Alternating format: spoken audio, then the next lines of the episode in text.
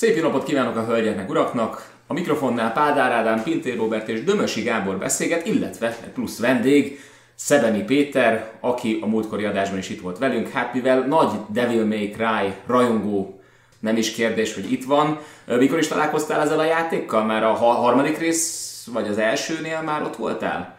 Én 2005-ben csatlakoztam be a játékszériába. Egyébként értekes, hogy legkorábban egy egészen furcsa esetben találkoztam vele, hogy valamikor kórházban voltam így 2003 körül, és anyukám behozott egy akkori 576 kilobajt magazint, amelyikben a Devil May Cry 2-ről volt cikk, poszter és minden egyéb, és már emlékszem, hogy ott rohadtul tetszett ez a játék, így a képek és leírás alapján, de ennek ellenére valahogy csak így körülbelül egy évre rá a háromnál csatlakoztam be a szériába. De utána visszamenőleg bepótoltam az első két részt is.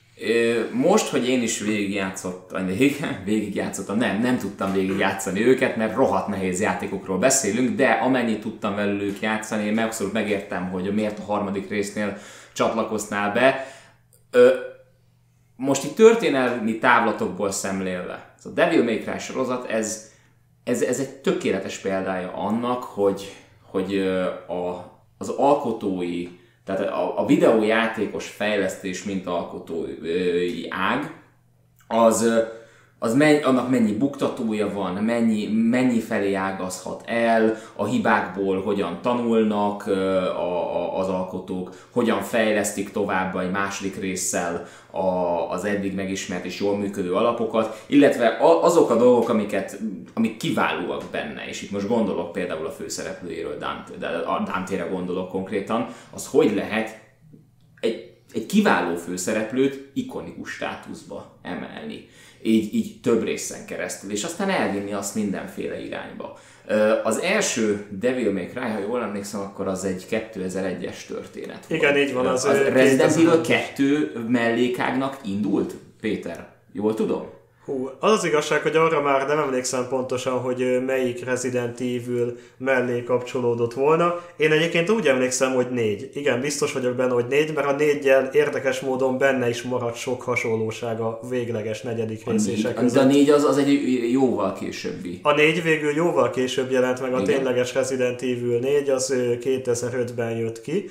Tehát 2001-ben akkor ugye ugyanúgy Leon lett volna a főszereplője, mint a Resident Evil 2-nek, viszont az akkori fejlesztésnél, erről vannak neten ilyen különböző beta verziók, akkor egy ilyen enyhén ilyen fantasy horror irányba ment volna el, tehát akkor itt egy ilyen kastélyban játszódik, ahol különböző ilyen kísértetszerű alakokkal küzdött meg a karakter, és valahol menet közben annyira teljesen más irányvonalat vett ez a fejlesztés, hogy végül úgy döntöttek, hogy egy totál másik játékot csinálnak belőle, viszont ebben nagyon sok elem ugyanúgy megmaradt, tehát ugye a szigeten lévő kastély, ez a végleges Devil May Cry-ba is felkerült, és ami érdekes, hogy ugyanúgy ez, ez az elem végül belekerült a totál átalakított Resident Evil 4-be is, tehát ott is ugye ez a, a kastély helyszín ugyanúgy megtalálható, ugyanúgy a végén egy teljesen elszigetelt szigeten ját, Elszigetelt sziget, ez egy nagyon,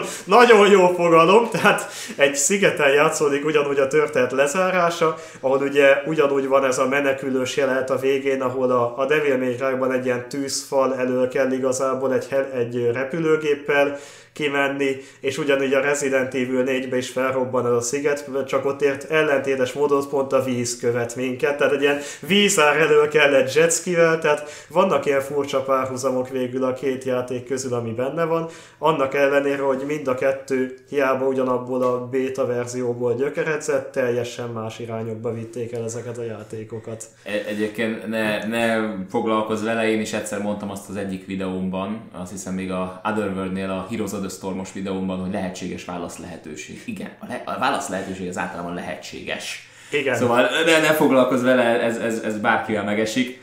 A, amikor játszottam először a Devil May Cry 1-jel, 2-vel, 3-mal, és szerintem ezt, ezt a hármat, ezt nyugodtan kezelhetjük így, így hát egybe, nyilván vannak benne hullámvölgyek, vannak benne Uh, igen, de, de ez volt így a PS2-es trilógia így igazából, van. igen. Igen, jó, igen, nagyon jól megfogalmaztad. Tehát amikor ezekkel játszottam, akkor így láttam, hogy van valami történet, de a stílus az olyan szinten borítja el az egészet, ezt, az, ezt a démonírtást.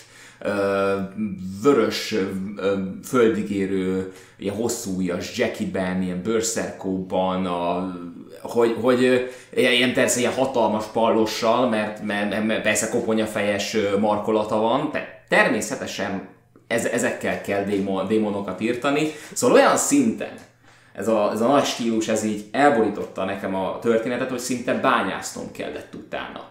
Szóval ez az a pont, hogy Színász, mi is a történet? ezt, így, ezt így próbál meg összefoglalni, nekem nem sikerülne. Oké, okay. a történet mielőtt történetre eltérek, Kohonyás Kardja Dantének csak a harmadik részben kerül elő. Tényleg. Az első kettőben nem azzal vív. Na de, a történet... ne, ne, nem egy rajongóval állunk szemben. Ele, eleve, eleve kacifántos a történet, mert ugye a, a kronológiai sorrend úgy kezdődik, hogy a harmadik rész az a legkorábbi rész. Tehát Dante életében az a legkorábbi rész. Utána jön az első, a második, mert ezt azóta a Capcom megcserélte, eredetileg nem így volt, nem térünk most erre ki. Utána jött a második, negyedik, és akkor ugye az ötödik rész, ami, ami most jött ki idén. George Lucas pedig csókoltatjuk. Igen, Igen így van. George Lucas csókoltatjuk. Lényeg az, hogy ugye maga a sztori az abból áll, hogy Dante félig démon, félig ember. Egy ilyen kombóból születik, ami úgy jön létre, hogy valamikor nagyon régen ezer évekkel ezelőtt föllázadt egy démon a saját fajtája ellen, és ugye elzárta a poklot az emberi világtól. Gyakorlatilag ebből ered a, a fő konfliktus a, a, az egész Devil May Cry-nak, hogy a saját apjának a bűneit, illetve hát bűneit, morálisan picit megkérdőjelezhető ez, hogy mennyire bűn elzárni a poklot a világ elől. Gyakorlatilag ezt átörökli a, a két fia, ugye, mert Danténak van egy iker testvére, és ezért mondom azt, hogy egyébként a, a harmadik rész a legkorábbi. Mert ugye a harmadik részben fölépítik ezt nekünk, hogy a két testvér, aki ugye örökölte a saját apjának a bűneit, és egyébként tanúja volt annak, ahogy a saját anyjukat megölik, kik mások, mint a démonok, teljesen más módon találkoztak ugye ezzel a a traumával. Dante, Dante-t elbújtatta az anyja, és gyakorlatilag őt tényleg úgy készítette föl, hogy pontosan tudta, hogy ő meg fog halni, és megpróbálta valahogy elrejteni a világ elől. És ugye ezt akarta a másik fiával is megtenni, csak idáig már nem ért el. Ez az út, ez félúton abban maradt, és ugye Virgil, aki Dante-nak az ikertestvére, ő szemtanúja volt annak, ahogy a démonok megölik a saját anyját. És ebből indul el a két karakternek két nagyon ellentétes útja, amit az első, tehát a harmadik részben végigkövetünk, hogy ezt a két álláspontot, ezt hogy ütköztetik. Mert az egyikük az gyakorlatilag traumaként éli meg azt, hogy nem tudta megvédeni az anyját, ezért elkezd az erő után menni, ez Virgil. A másik, ő viszont megpróbál valamilyen módon picit bosszút is állni az anyjáért, picit vinni is tovább az apai örökséget, ő gyakorlatilag démonvadásznak el, ő belőle lesz Dante. Na most az első, tehát a harmadik részben ezt végigkövetjük, ahogy ők ezt a véleményt ütköztetik, illetve azt, hogy Dante hogy veszti el a, a, az utolsó élő rokonát, Virgil-t. Ugrunk egy pár évet, azt hiszem egy 5-6 évet ugrunk a sztoriban, kerülünk az első részbe, ahova gyakorlatilag úgy kerülünk a szigetre, hogy Danténak az anyjára egy megszólalási hasonló nő, Trish, aki a további részekben egy fontos karakter, gyakorlatilag ő hívja el a, a szigetre az elszigetelt szigetre. Az elszigetelt, így van, az elszigetelt szigetre Dantét, mondván, hogy meg kell állítanuk a a nagyon nagy fődémont, a démon herceget, vagy nem tudom milyen úrnak nevezik egyébként az első Ez volt az részben. első rész, amikor még kiforratlan volt a történet. Így van. Megyünk Igen. a démon úr ellen, és így ennyi. Van, így van, ez, a, ez a lényege. A lényege igazából a, annak, hogy miért utáljuk uh, Munduszt, aki a, az első résznek a főgonosza, az gyakorlatilag annyi, hogy ő volt az, aki legyőzte Dante apját. És ebből már van egy konfliktus, megkapjuk Trist, aki gyakorlatilag ilyen mellékkarakter az egész játékban. Végig megyünk ezen, hogy hogy győzi le Dante a démon urat. Majd jött a második rész, amit én így át is ugranék egy az egyben, mert igazából történetileg nem sokat ad a, az egészhez. Ha valaki Ez nem játsza a második részt, semmiből nem marad ki és ez probléma. Pedig elég komplikált. Én, én utána olvastam Wikipédián, mert, mert, igen, túl komplikált. Én, én nem bírtam azt a játékot, majd még beszélünk egy kicsit a második Persze. részről, de nem bírtam azt a játékot sokáig játszani. Körülbelül a második pályánál azt mondtam, hogy oké, okay, köszönöm, ebből nekem így ennyi elég volt. De utána, utána, utána olvastam Wikipédián. Aha. És hát vagy öt, öt, öt bekezdésben ö, ecsetelik ott, hogy milyen részletes a történet, mennyire szertágazó, mi mivel függ össze, függ össze, ú, ez egy jó kis nyelvbotlás volt, és, és én meg így rendben, csak én ebből semmit nem éreztem a Devil May Cry 2 alatt, és, és amikor meg látom, hogy be, tehát játszottam a további epizódokkal, akkor meg nem éreztem semmi, semmi hatását. Igen. Ez egyébként pontosan így van szerintem, és hogy ugye a, a kettővel, ha csak így effektíve a játék közben én is arra emlékszem, hogy banálisnak, egyszerűnek tűnt a történet. Ez egyébként így belegondolva az 1-2-3-ra végig az, hogy ugye a történet baromi egyszerű, és akkor kezd akkor láthatjuk komplexebbnek, ha elkezdjük azt vizsgálni, de ez akkor ahhoz van hatással, nem ez amahoz, de viszont ilyen szempontból, ha egy-egy részt kiragadunk, annak önmagával a történetei mindig nagyon egyszerűek, és a kettőre szerintem, mivel kritikailag és anyagilag sem volt akkor a siker, igazából inkább vissza se utalnak nagyon. Tehát így maga a széria is egy kicsit úgy tesz, mintha nem is lett volna, és ezért pont ezért teljesen ki is hagyható. Igen. Uh, utána jött a négy, ami behozta Nérónak a karakterét. Gyakorlatilag ő a az új figura az egészben, mert Dante a harmadik rész után nem nagyon tudsz vele mit mutatni. Három részt végigjátszol azzal a karakterrel, nem nagyon tudsz belőle már mit felhozni. Kellett mellé valaki, aki új, aki teljesen más harcstílusban és stb. stb. Tehát Nero igazából egy funkcionális döntés volt. Story szempontjából ott kapcsolódik az egészbe, hogy ugye Dante, amikor elveszti a, a testvérét, neki a kardja az hátra marad. Ugye mind a kettejüknek van egy ikonikus kardja, Virgilnek a, a kardja hátra marad az emberek világában, és e köré, meg, meg az apjuknak a legendája köré fölépül egy, egy komplet vallás. És Nero ennek a vallásnak egy ilyen lovag szerűsége, azért szerűsége, mert nem, tehát nem teljes értékű lovagja ennek a rendnek. És nem is nagyon tud beilleszkedni, Így mert van. az egész vallással, hitrendszerre nem tud mit kezdeni. Így van. Ő, ő a lázadó szellem valamilyen szinten. Na mindegy, a lényeg az, hogy gyakorlatilag a sztori az abban áll, hogy végigkövetjük Danténak a, az útját, a felnövését, illetve azt, hogy hogyan örökíti át a, a saját értékeit egy új figurának, ugye ez a négy. Az ötről arról még ne ejtsünk szót, mert az, az komplikáltabb ennél. Gyakorlatilag a Devil May Cry története az abból ered, hogy hogy örökli a gyerek az apja bűneit, picit ilyen Star Wars-os utóhatással, viszont amit lényeges, hogy két fiúnak a, a történetét figyeled végig. Tehát gyakorlatilag a két, tehát az ikerpárnak látod a két nagyon ellentétes irányzéket. Nyilván ebből többet látsz Dante oldaláról, viszont folyamatosan ott van Virgilnek az árnyéka, mint, mint, vagy mint legyőzendő ellenfél, vagy mint, mint elérendő cél, hogy azt megugorja Dante. Ez egyébként ilyen tipikus japán Igen. Me- népmesei toposz. A japánoknál van az eredetileg, hogy tehát náluk ugye a szamuráj történeteknél van az általában, hogy két tanonca van a, a nagymesternek, és Igen. az egyik általában ugye kifejezetten ez, a, ez az önfejű, forrófejű, ö, rettenetesen, tehát ösztönös tehetsége van ennek a karakternek, és e, én, e, ezért fogadja be őt a mester. A másik karakter meg általában az, aki, aki ebbe a sztoriba az, aki, aki tartó.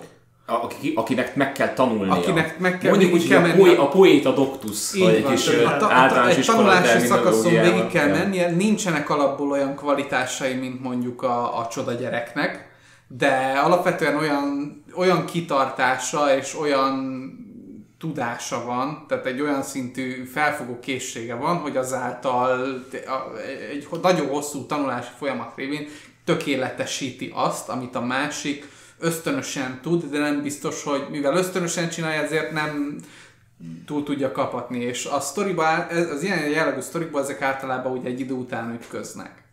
Ez egyébként érdekes, hogy szerintem ugye a Devil May cry viszont valószínű, hogy a két karakter között szerintem tehetségben nincsen különbség. Tehát valószínű, hogy csak mentalitásban és viselkedésben eltérő a két figura, de az ereje az szerintem, az ereje meg ugye a, a képességei végig közel azonosak. Cáfolnám egy picit, mert akárhányszor találkozol Virgil-lel, ő mindig egy egy lépéssel előbb jár, mint Dante. Gyakorlatilag egyébként kettejük kapcsolata az a mozdíthatatlan fal és a megállíthatatlan golyó esete. És itt, a, és itt Dante a megállíthatatlan golyó, aki folyamatosan halad Virgil után, mindig próbál valahogy neki menni. Igazából Dante az, aki mindig neki megy a testvérének. Igen. A másik irányba ez sose jön. Ha megnézzük, egy, alapvetően Virgil és Dante között van egy olyan mentalitásbeli különbség, hogy Dante mit csinál, Ben ül a, az irodájában, az összes telefonhívást lecsapja, hogy nem vagyunk még nyitva, és pizzát zabál. Igen. És így ennyi. És hogyha jönnek démonok, meg valamit hall, hogy, hogy, hogy most így kap egy, kap egy hívást, hogy, vagy nem is hívást, besétál valaki az irodájába, aki szépen kirúgdossa onnan, na mennyire csináljál már valamit, akkor, akkor, akkor, csinál, akkor csinál. Igen. Viszont Virgil nagyon de, de azt is ilyen félváról, tehát igen. jó, gyertek, Rendben, és akkor stílusosan levagdos mindenkit, viszont Virgil borzasztóan céltudatos. Ne, ő tervez. mindig megy valami után, mindig igen. tudja pont, és ezért tud mindig egy lépéssel előtte járni, mert nála ez a céltudat az, ami nagyon erősen meghatározza őt. Igen. Ádám, Én. te ugyanúgy hozzám hasonlóan laikus vagy. Nagyon. Nagyon laikus. De nagyon, igen. Én... Mennyit, mennyit tudtál kihámozni a történetből a, a, a, a, ez alatt a kis idő alatt, ameddig foglalkoztál a Devil May Cry-jal? Ez azért is kérdezem, mert, mert itt én, én úgy érzem, hogy néha, nem is néha, nagyon sokszor hajlamos a stíl, a, átbillenni a túlzott stílus irányába a, a mérleg nyelve, amikor itt Igen. a Devil May Cry-ról beszélünk, és sokszor ez az, aminél ez a, ez a ja, japán, japán szenzitivitás méteremet egy kicsit így, így, így, így, így kiüti. Soha, soha ne játsz bajonettával. Igen, de, meg, megtettem, volt, igen. 15 percig bírtam körülbelül az Akkor első pályán. tovább bírtad, mint én, mert én ugye a bajonettáról kb. annyit tudtam, hogy az egy olyan játék, mintha Dante megkurta volna a holtündért, és hogy ugye ezzel lehet ennek az eredményével játszani. És, és ez, ez, így, ez egy szép összefoglaló. Igen, és ez nekem zseniálisnak hangzott, és elkezd, elkezdtem róla nézni videókat, és így, és így feladtam. Tehát ez nekem már az az over the top szint volt, amit már én sem tudtam tolerálni, pedig én a Devil May Cry-t imádom. Peti elég, elég magas szinten tudja ezeket tolerálni, igen.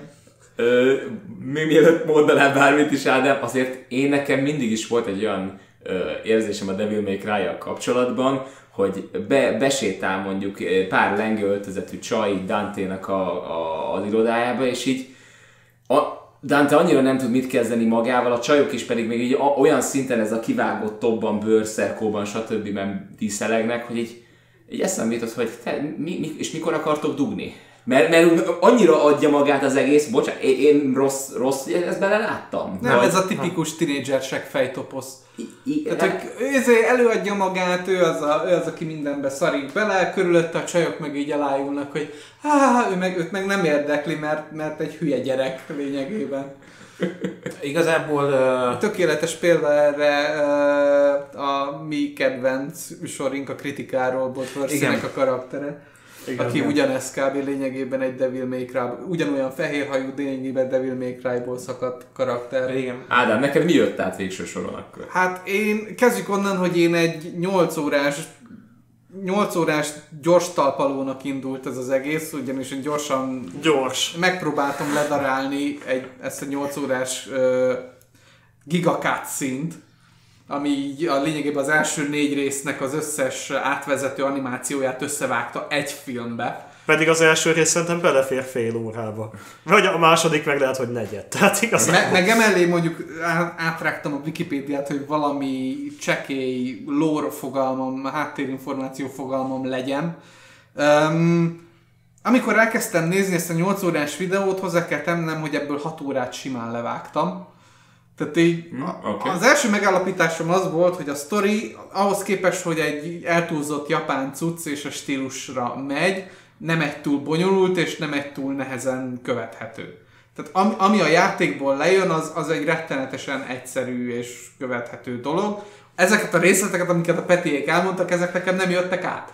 Tehát mm-hmm. nekem az volt meg, hogy oké, okay, van ez a Dante gyerek, van ez a Virgil gyerek, a Demon volt a drapjuk, és akkor mennek egymásnak, mint az állatkert. És ez így meg volt, és ugye, mert ráadásul ugye kronológiai sorrendben mutogatta a, a történetet, tehát először a hármast láttam, ahol ugye... Aztán jött az egyes, és egy visszalassul ilyen tizad annyira a igen, az, igen, aztán jött így... az egyes, így néztem, hogy várja, itt nagyon, nagyon romlott a grafika, mi történt, aztán ugye a, a kettest az úgy, ahogy van átugrottam, mert így kb. az első kettő perc belevágtam azt, hogy jó, ez így kb. sehova nem érdekes, és senkit nem érdekel, és ez nem fog semmit sehova se szólni, és utána lement még a négyes külön, ami, ami, aminél volt egy ilyen fél perc mindfuckom, hogy hogy itt most mi, mik ezek a hatalmas böszme, izé, kultisták, meg ki ez, meg mi, ott, ott, ott egy kicsit borult már a Billy, de egyébként teljesen normálisan tudtam követni a dolgot, sőt meg is lepődtem azon, hogy ahhoz képest, hogy Japán, a sztoria kőegyszerűnek tűnik. Ö, játszani vele, és ezt azért mondom, mert először játszottam vele, Aha. Ö, még mindig jó az egyel am, amit mondott Színász az, az igaz, meg gondolom te is mondasz, hogy, hogy nagyon lassú egy ma, a, mai, a mai játékosnak. Igen. Ö, Egyébként az érdekes, hogy viszont 2001-ben az egy hihetetlen pörgős játéknak tűnt mindenhez képest, ami És most már, volt, most igen. már annyira hozzászoktunk a, a kontrollnak a responsivitásához, hogy minden azonnal működjön, amint lenyomod azt, az a, azt a billentyűt, vagy azt a gombot a kontrolleren, hogy most már tényleg ö, ott tartunk, hogy igen, az egy gyorsiramú akció, akciójáték volt akkor, most már hát ilyen nyugdíjas otthonnak érződik az a sziget, szigeten lévő kis kastély, minden esetre játszani még mindig jó érzés volt vele. Egyébként még mindig érthető igen. volt. Mm. És mondjad még egyszer. És szerintem egyébként kiváltan hangulatos, tehát szerintem ugye maga a hangulat, a környezet, a többi az ő viszi még a mai napig a hátán azt a játékot. Igen, sokkal horrorosabb, gótikusabb volt még az, e- ez a, az, az első kettő rész, mint mondjuk már teszem azt a harmadik. Mert jellegzetesen ez a japán stílusú horroros gótikus, tehát ott még a zene is nagyon inkább ez az orgona jelleg, meg Igen, ilyen, ez, ez orgona, zongora. Ez a tipikus igen. Nosferatu feeling. Igen, igen, igen. Be, bevallom mondjuk az, attól a zenétől, meg, meg, tehát nekem, engem, nekem abból a zenéből nagyon elegem volt, mert egy pár órát játszottam vele, és akár hányszor visszatértem a kiinduló helyre, mindig azt hallom, hogy dön. Igen. Elmondom, ez, ez, ez szépen megkomponáltad Fater, de hogyha ettől eltekintünk, végső soron azt tette be nekem a kaput, Aha. amikor, amikor belefutottam az első bossba. Ajaj. Ami, ami nekem úgy, tehát meg tudtam volna ölni, hogyha nem szabotált volna engem szét az a rohadt kameraállás. Mert állandóan szétszabotál. Hányos játék ez? 2001-es. 2001-es. PlayStation. PS, PlayStation. Akkor Magyarul nem fix a kameraállás, nagyon élesek a váltások, tehát egyikben nem követi még. Ráadásul japán játék. És japán játék, tehát hogyha nyugodtan vehetjük mondjuk példának a Final Fantasy-ket, okay. totál ugyanaz, így egyik pillanatról a másikra, hogy hopp, most már ott vagyunk, rendben, csak én eddig a, eb, mondjuk bal, bal mondjuk jobb irányba megyek. Hát csak onnan de... indulunk ki, hogy mindennek az ősatja Alone in the Dark ilyen, ilyesmiből. Hú, hú, hú, hú, hú. Most egy pillanatra ezzel megfogtál, és igen, és ebben nem megyek bele, mert az is egy ilyen kifakadás lenne részemről. Uh-huh. Itt is megyek jobbra, vált a kamera, ja, hogy már előre megyek. És ez egy komoly probléma volt egy olyan bossnál, ahol a, a, a pozícionálás, és az elsőnél nagyon is az, fontos. Mert hogyha éppen e, a képedbe lézer ez a, az a boss, vagy a képedbe köpi a lábát, vagy, vagy rádugrik, és nem jó felé mész, mert elakadsz egy oszlopban, és még sorolhatnám, hogy mi minden történt velem, akkor azt én ne, nem, tehát nem tudod megcsinálni. Meg tudod, csak addig mondjuk így elhullik pár hajszálad, eltelik pár óra, biztos van, aki, van, aki erre, e, e, e, erre ráér, én úgy voltam vele, hogy rendben, eleget tudok erről a játékról. Ez, ez az a pont, ahol behoznám azt, hogy egyébként a Devil May Cry játékoknak mindig az első boss az, tehát az első fő ellenfél az, aki úgy van megkomponálva, hogy mire a végére érsz, hajszínedben is stimmelje a Dantéhoz. Mert hogy mire meg tudod ölni, addigra megőszülsz. A kettővel nem játszottam, tehát őróluk nem tudok Egyébként a kettőben nincsenek emlékezetes bosszok. Igen. Tehát ez is egy kurva nagy hátránya, hogy így ilyen nincsen olyan, mint mondjuk a DMC 1 hogy ott volt ugye a pók, hogy fantom, hogy ugye háromszor felbukkan, ugye vannak emlékezetes szavai, ugye kommunikál a főhőssel, többféle alakja van, tehát tényleg így megjegyzed és ehhez képest a kettőbe a boss fightok úgy néznek hogy mész az utcán, leugrik valami, és akkor hogy kijön egy életség, és küzdjél meg vele. És utána rögtön meghal, és mész tovább. És így, de mi a franc ez? Tehát? Szóval gyakorlatilag Phantom is úgy van összerakva, ugye a Devil May Cry első ö, bossa. A Devil May Cry 3-ban ö, Kerberos, vagy Cerberus, vagy nem tudom, ahogy éppen ott hívják, de gyakorlatilag ő az a figura, akin én három hetet küzdöttem, mire meg tudtam ölni, pedig egyébként nem egy nehéz, nem egy nehéz ellenfél, viszont szép lassan vezet rá a játék arra, hogy hogy tudod megölni, hogy mi az a taktika, amivel, amivel tudsz ellene nyerni. Majd a Devil May Cry 4-nek az elején ugye megküzdesz Beliállal, ahol megint csak problémás, mert ott már kaptál egy vadi új karaktert a kezedbe, akit még nem tudsz irányítani. Addigra mert Dantéhoz hozzászoktál, hogyha végigjátszottad az első három részt, de Néróval ott még nem tudsz mit kezdeni. És egyébként ugyanez igaz a Devil May Cry 5-re is. Tehát az első bosszok mindig úgy vannak összerakva, hogy, hogy szenvedj vele. Hogy szívj és szenvedj, mert hogyha ezt kibírtad, akkor utána végig fogod tolni az egész játékot. Ha nem, akkor nem neked való. Tehát ezt, ezt így csinálták meg pontosan Igen. azért, hogy ne küzdjél annál tovább, ne menj neki. Ami egyébként dizájnban, ha azt veszed, egy, egy okos húzás, nem ölsz sok, ö, sok időt ebbe, ezekben a játékokban. Én itt kezdtek el azon gondolkozni, hogy szerintem nem egy From Softveres nőtt fel ezeken a játékokon, és találta meg a piaci részt ezáltal. Igen, egyébként. De mondjuk, de mondjuk, ha azt veszed, a Devil May Cry 1 az híresen nehéz. Hát még a viszont, három. Viszont a három az, az többek közt ezért is a Devil May Cry-oknak a szent grálja, mert az összes közül a legnehezebb ott, ott végigmenni, az tényleg egy tortúra. Érdemes egyébként rajta végigmenni, de, de csak akkor, hogyha az embernek van arra ideje, meg energiája, hogy ezt végig szenvedje. De, de ez, Egyébként ez később igen. az új kiadásaikban az volt a vicces, hogy a Devil May Cry 3-nak az újabb és újabb kiadásaiban mindig egyre visszavették a nehézségi szintet. Tehát, hogy addig volt ugye ez a easy, normal, hard, meg Dante Must Die fokozat, és így igazándiból az újabb kiadásban bejött egy very easy, tehát ami nagyjából megfelelt egy az... más játékosoknak a normál szintnek. De magyarul én a legkönnyebb verzióval elakadtam. Ez, ez nagyon, ez olyan jó. First Devil May Cry. Igen. Jézus már, hát akkor ez, ez így sokat, hát ez, ez így jó, jó kis önbizalomnövelő volt. Jó. Ö, nagy, nagyon, ne, nem egyszer emlegettük fel azt a katasztrofális Devil May Cry 2-t. Na, Igen. Én, nem, én nem tudtam semmit arról, amikor én abba belekezdtem. Van, van az a... Tehát játszottam annyi videójátékkal, hogy, hogy a szarszagot azért így meg, megérezzem messziről. Igen.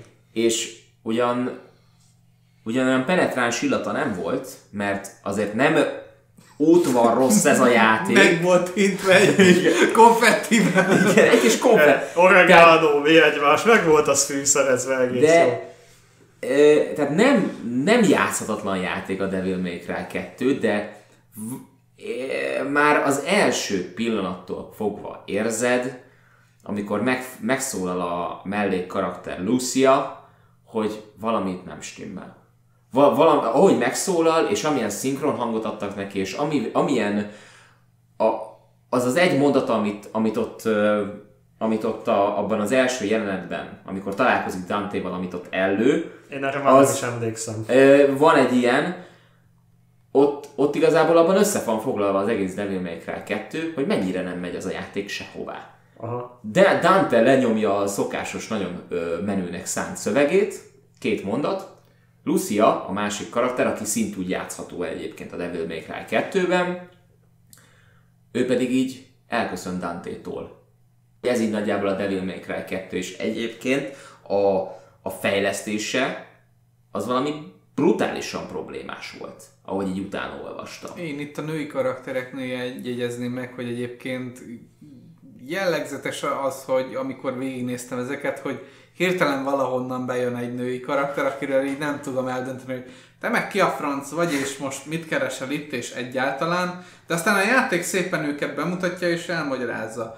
A vöröshajú csajszínál volt az, hogy őt kapásból úgy hozták be, hogy jaj, hát te vagy a Dante, te meg a mit tudom én, hogy hívják. És már ismerjük egymást, és mit tudom én, és annyira nem éreztem azt benne, hogy, hogy ez engem egyáltalán ez érdekel, ez így, ez így fontos lenne, ezzel én mi a túrónak foglalkozok, és így, hogy el, így el is engedtem, és ott hagytam is. Egyébként a, a, DMC egy, a DMC egyről is vannak már ilyen azóta mémé vált mondatok így a szinkronjával kapcsolatban, tehát hogy így a, a mai füllel meghallgatva az sem volt azért a színészet csúcsa, de a Devil May Cry 2-re arra így kompletten emlékszem én is, hogy szerintem abban egyetlen egy ilyen korrekt hang nincsen a játékban, ami a helyén lenne körülbelül. Igen. Tehát minden színész nagyjából, mint hogy unottan, álmosan, másnaposan a kávé mögül felolvasná így fahangon a mondatait, Danténak elfelejtettek szöveget írni, helyette kapott ilyen egyszavasokat, tehát hogy így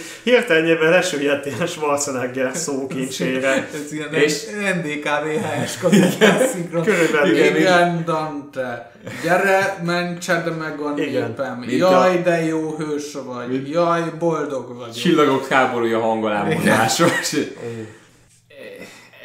Lement az a jelenet, elkezdtem a játékot, és és így éreztem, hogy baj van. Hirtelen zavart éreztem az erőben. Hatalmas nyitott terep, mindenhová felugorhatsz, a, nem Dante-val kezdtem el, hanem kíváncsi voltam, hogy Lucia milyen karakter, hát bár csak ne tettem volna. Akrobat, akrobatikával operál meg késekkel.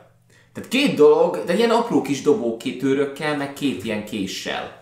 És így, és így rúg, ilyen, ilyen, ilyen kickboxosan, és ilyen, és ilyen pörgőrugásokat végez, meg, meg, és közben, mint a, mint a Linda a, a sorozatban, így nyáv, nyáv, nyáv, így, így nyávog jobbra-balra, sikongat. Hát nem tudjuk már meg soha, hogy miért.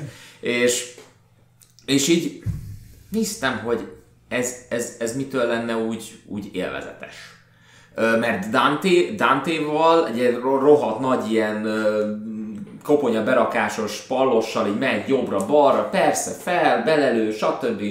Fel, felvágja, kettévágja, idevágja, odavágja, és így oké, okay, rendben, köszönöm, mindez heavy metalra természetesen, és akkor azt mondom, hogy rendben, ugye a lelkem az úgy rendben van. De egy Luciánál azt láttam, hogy így rugdossa jobbra-balra a démonokat, és, és, és a, a legrosszabb, hogy ahogy kontrollálod őt, így, így ne, ne, nem, nem érzed azt az azonnali uh, reaktivitást vele kapcsolatban, Aha. hanem még, még sikongat egy kicsit, és akkor utána még jön a pörgőrugása, ami ráadásul hát ö, érzetre, meg nem is az a húsba maró, mint ahogy nem. mondjuk Dante-nél, vagy Virgil-nél, vagy Nero-nál. Nem véletlen hívják a játékstílust hack and slash-nek, és nem, nem hack and poke sometimes later-nek. Ez, hú, ezt, ezt levédetjük. Igen. Ráadásul, ami nekem még szintén nagyon nem tetszett benne, hogy ugye a DLC3-ban ugye baromi sok fegyver volt. Nyilván most úgy beszélünk róla, mintha a hármat követte volna a kettő. Ez egy kicsit rossz, tehát nem, ugye nyilván fejlesztettek, de ugye akkor is az első részben is ugye Danténak volt azért egy három vagy négy jól elkülöníthető fegyvere, jól elkülöníthető harcstílusokkal, ami így élvezetessével változatossá tette a játékot. Ehhez képest ugye a kettőre van ugyan háromféle kard, de igazából ugyanazokat a kombókat, ugyanazokat a mozdulatokat tudod vele, csak egyre nagyobb ótvar kardot kap, tehát hogy először is már van egy ilyen két méteres kard, utána lesz egy még szélesebb, és a végén kapunk egy péklapátot. A, amúgy, tudod, tehát, hogy így... Tudjátok, hogy mi a vicces? Azt mondták, a, a, a, projekt, a projekt direktora azt mondta, hogy az volt a koncepció, hogy legyen olyan, mint a Devil May Cry 1, csak ez legyen nagyobb.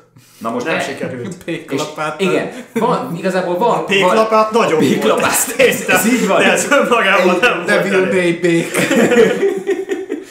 és, és aztán így megnézed, hogy igen, van péklapátkard, van két karakter, van ö, nagy játéktér, ami tízszer akkora, mint az, el, a, mint az első részben, ahol minden De tök üres. teljesen üres ott vagy egy ilyen, uh, ilyen vatikánszerű városban az elején, és így semmi nincs rajta. a pápa. Igen. Gigapápa. Na, nem, nem, ahhoz a négyig várnunk kellett, de ott szó szerint. De ott szó szerint megtörtént. Igen, igen, mert a negyedikben már volt egy nagyon komoly valláskritikai éle az egésznek. És, és lehetett platformozni. De pontosan ezt akarom egy Devil May Cry játékban, lehessen platformozni, és így az emlegetett szörnyű izé, kamera kezelése. Akkor szörnyű, ami, ami nem változott azóta sem.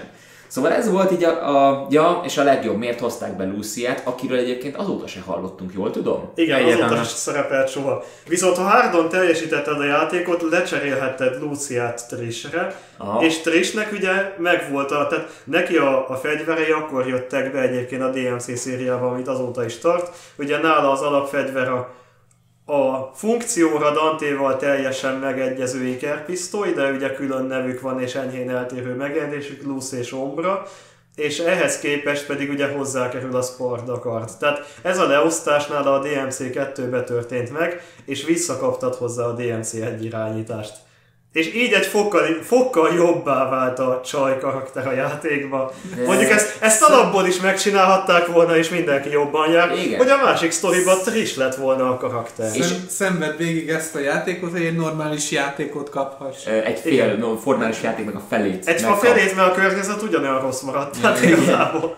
Igen, és amúgy ez volt a, a vicc, amiért belerakták Lucy a karakterét, hogy panaszkodtak, hogy az első részben nem lehetett Trish-sel menni. Oké, okay akkor tegyétek bele Trish. Írjátok bele Trish. És, de tudjuk, mármint most már tudjuk, mert elmondták a készítők, hogy miért nem ö, Trist tették bele, azért, mert nem volt idejük megírni normálisan a történetet, és nem volt, normális, ö, nem volt idejük normálisan megcsinálni a játékot design, ö, dizájnilag. Ez meglátszott rajta. Nagyon, nagyon durván meglátszott rajta, ráadásul ö, el, is, el is mondták azt is, hogy a, a Capcom ö, ráállított egy teljesen ismeretlen brigádot a kettőre először, akik nem jutottak végül sehová a fejlesztéssel, egy katasztrófa volt a játék, és aztán ö, azt mondták, hogy rendben, akkor itt van ez az ember, aki, nem felejtettem a nevét, japán, itt van ez az ember, aki már csinált hack and slash, menj oda és rendezd el. Van 4-5 hónapot, hogy rendbeszedd a projektet. 4-5 hónap. Tehát az akkor is kevés volt. Az már a, a produkciós fázisnak a legvége. Magyarul a produkciós fázisnak a legvégén szed rendbe a játékot. Tehát ő volt lényegében a japán Peter Jackson? Gyakorlatilag igen. Csak én érzek itt egy erőteljes áthallást a Mass Effect Andromeda-ra, ami egyébként ugyanígy hagyta el a, a készítőknek a, az óvó kezét.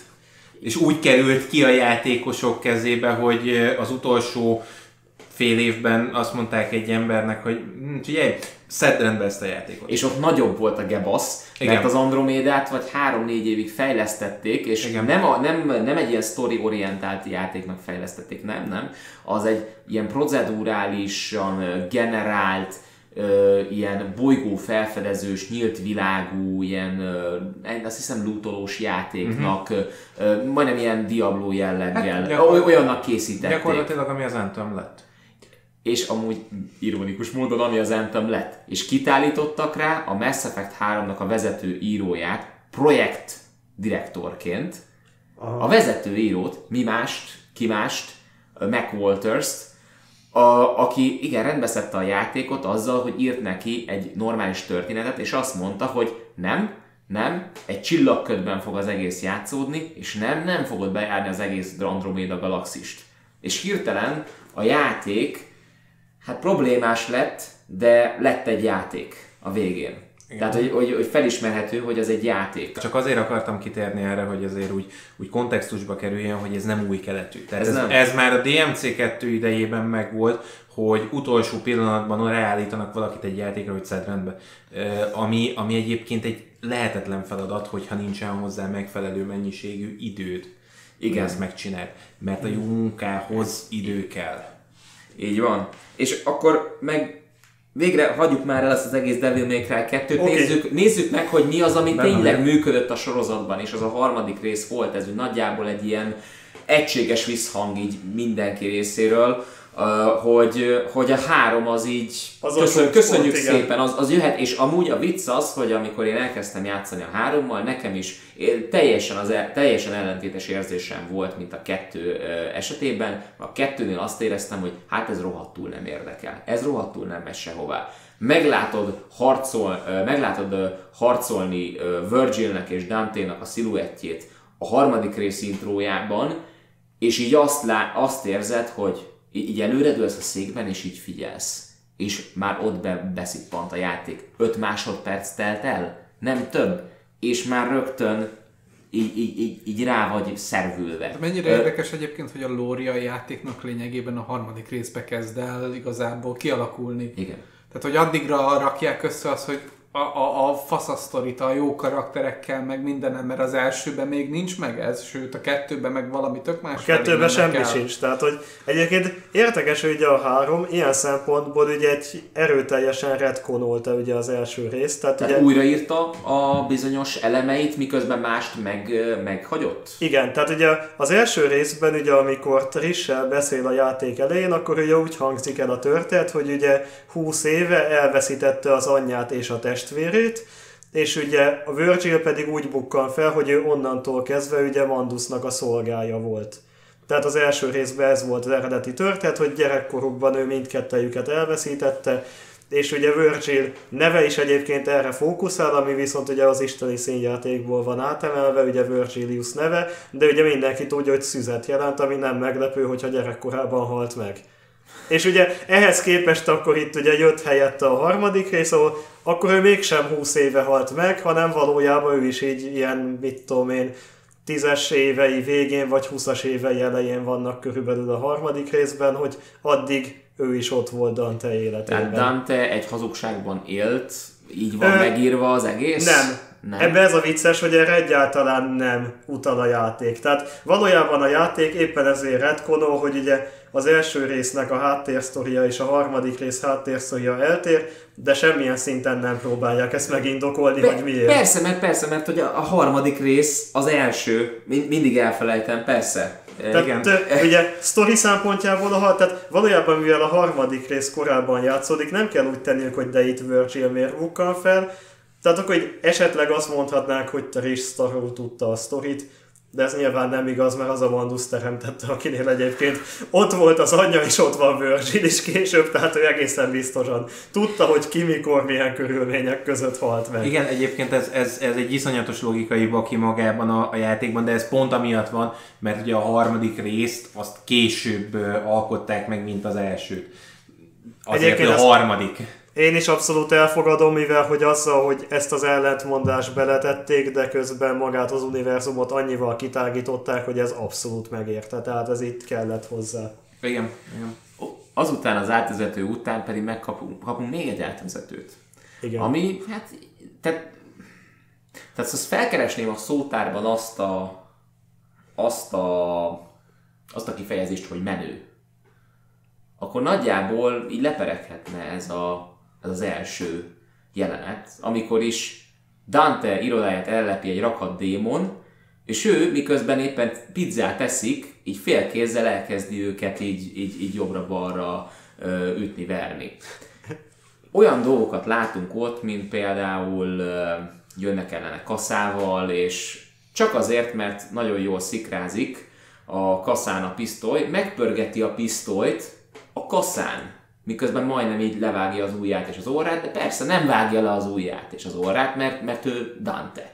Láttunk olyat, hogy félbevág egy biliárdasztalt, és azt a biliárd, abba a biliárdasztalba belerúg, és ahogy elrúgja az szoba egyik sarkából a másikba, az így szétlapít három démont. Sőt, mielőtt a biliárdasztalt felezné, előtte látjuk azt, hogy a biliárdasztal felborul, a golyók elsüvítenek így mellette, ahogy szépen így, így, így, így, így, így, így gyakorlatilag elszállnak mellette, és abba ő belelő az egyik biliárd golyóba, és az egy, az, az egy biliárd golyó megküld másik kettőt, a másik kettő az négyet, a másik négy az hatot, és azok pont úgy csapódnak be a dé, bele a démonok koponyáiba, hogy az, hogy az úgy gyakorlatilag még hat másik démont az, így, az így még úgy, úgy lefejezzen. Ez egy hétfő reggel. Így Igen. van. Ez a hétfő reggel. Innen kezdünk.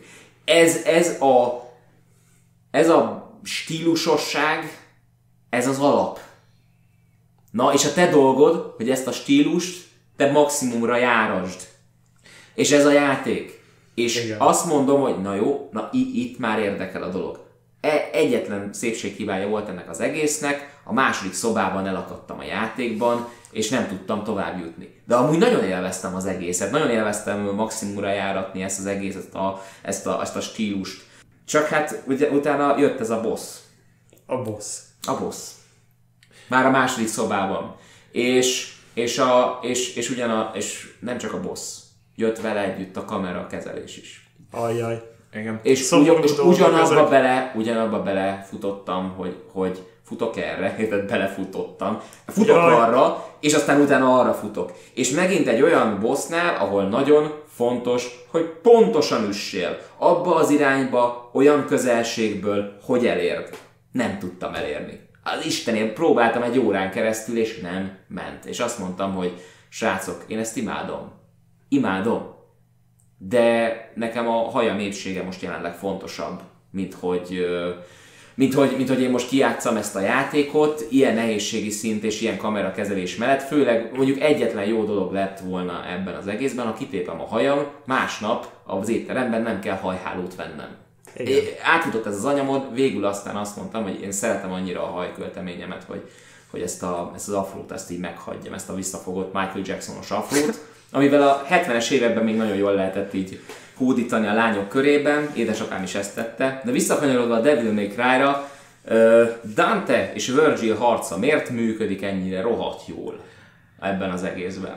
Mm, egyébként azért működik, és ez, ez az, ami, ami, egy, ami miatt a hosszabb felvezetést megcsináltam a, a, a történelmével a játéknak.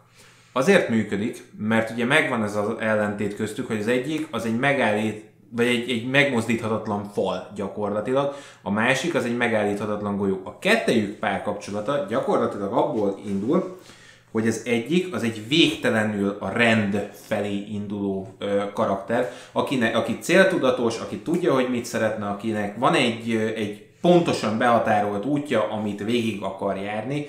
Ezt ő állította föl magának, és, és minden adott ahhoz, hogy egyébként ezt véghez is vigye. Ö, nem véletlen egyébként szimbolikájában a Yamato, a kardja, a szamuráj kard, mert a, a szamurájok pontosan ugyanígy mennek, hogy van, egy, igen, van a igen. harcos útja, és nincs más, mennek, és a vég, eljutnak a végére. Igen, egyébként az is benne van a két karddal, mert ugye Danténak az ikonikus kardja az a Rebellion ami, ami eleve lázadást jelent, ráadásul egy iszonyatos méretű pallos, amit, hogyha kontrasztba állítasz Virgilnek a Yamatójával, ami egy, egy hagyományos japán katona, gyakorlatilag benne van az is, hogy mit gondol a japán ember a nyugatiról. Tehát a, a, ez az ellentét is benne van, de ami itt a két karakterben a lényeges, az az, hogy gyakorlatilag itt a káosz és a rend az, ami egymásnak megy. Ami azért egy mókás dolog, mert jelen állásban ugye általában a káosz az, amivel mi mondjuk itt a, abban a kultúrkörben, ahol mi élünk, a káosz szoktuk a, a negatív dolgokkal felruházni. És a, a rend az, ami nálunk a pozitív. És itt kell rájönnünk arra, hogy igazából a japánok picivel előrébb járnak, mint mi, mert ők ezt a kettőt le tudták egymásról választani, és rájöttek, hogy ez nem egy vonal a káosz rend ellen. És a spektrum két vonal, a, a végén és, ott és van a, a kettő, így van, igen. és nem, nem két vég, vagy nem a, a két végpont, vagy hogy mondjam, tehát a két végpont az nem egyenlő a jóval és a rosszal hanem yin yang alapon működik? Hanem ez a kettő, ebbe még beleáll egy másik tengely, Aha. ami metszi egymást gyakorlatilag, mert hogy Dante ugyan nagyon a káosz felé megy, tehát ugyanez lusta, heti egy munkanapot tart, ha tart, de, de az sem mindig, és egyébként folyamatosan arra megy, hogy minél stílusosabb legyen, lázad minden ellen, ami, ami szembe jön vele, gyakorlatilag Dante tényleg a káosznak egy ilyen, egy ilyen elfuserált ügynöke. Virgil viszont nagyon a rend felé megy, és azért furcsa kettejük kapcsolata, mert Virgil morálisan, amit csinál, az rossz. Lawful evil a magyarul a törvényszerű gonosz. Törvényszerű igen, gonosz. Tehát igen. lényegében most azt magyarázod el, amit a D&D-be szoktak igen, alkalmazni, igen, hogy, igen, igen. hogy kétféle elf szerint listázzuk a karaktereket, hogy milyen a személyiségük. Egy a rendhez való viszonyuk, egy pedig a, a, a jóhoz és a rosszhoz való viszonyuk. És ez egy ilyen kilenc leosztásos táblázatban le van osztva, tehát ugye van rendszerető, lawful, van közömbös, neutrál, és van kaotikus, vagyis... Két, vagyis kaotikus. Kaotikus. És, és mindegyikben van jó, semleges, illetve rossz. Na most ő nekik ugye a kapcsolatuk az, hogy amit Virgil csinál, az morálisan rossz, viszont céltudatos, és, és nagyon megy egy irányba. Tehát ő neki megvan szabva a sorsa gyakorlatilag. Danténak nincsen sorsa, ha azt veszed. Ő, ő igazából így belemegy egy szituációba, és majd valahogy kijövök belőle. Tehát ő gyakorlatilag az egész életét úgy éli, hogy hát majd valami lesz. És ennek ellenére viszont amit csinál, az mindig morálisan jó. És ugye kettejük ellentéte ebből adódik, hogy az egyik morálisan jó, de, de egy forrófejű, meggondolatlan és, és végtelenül, a, végtelenül önző karakter egyébként Dante. Virgil viszont, viszont keményen egy, egy rendszerető, egy, egy, egy sorssal rendelkező karakter, aki viszont meg amit csinál, az morálisan rossz. De vicces, hogy e- ezzel szemben, mivel Dante önző, az áldozathozatalra messze nem képes annyira, mint Virgil. Igen, aki viszont nagyon sokat áldoz be. Igen, igen, igen az, az, az, azért, azért, azért mondom, hogy a kettőjük ellentéte ugye ebből jön, és ebből látszik az, hogy nagyon japán. Ha már beszéltünk uh, nemrégiben arról, hogy, hogy mitől, valami, mitől lesz valami nagyon amerikai, ezektől lesz valami nagyon japán.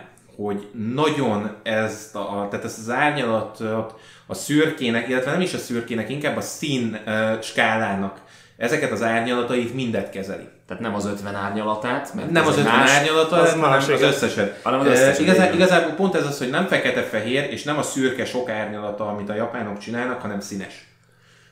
Van benne egy kis különbség már a fogalmazásban is, hogyha azt veszed. Ha megnézzük a játékmenetet, mm. akkor Dante-nak le, vannak már itt különböző stílusai. Négy stílus, amit folyamatosan keverni kell a harcrendszerben.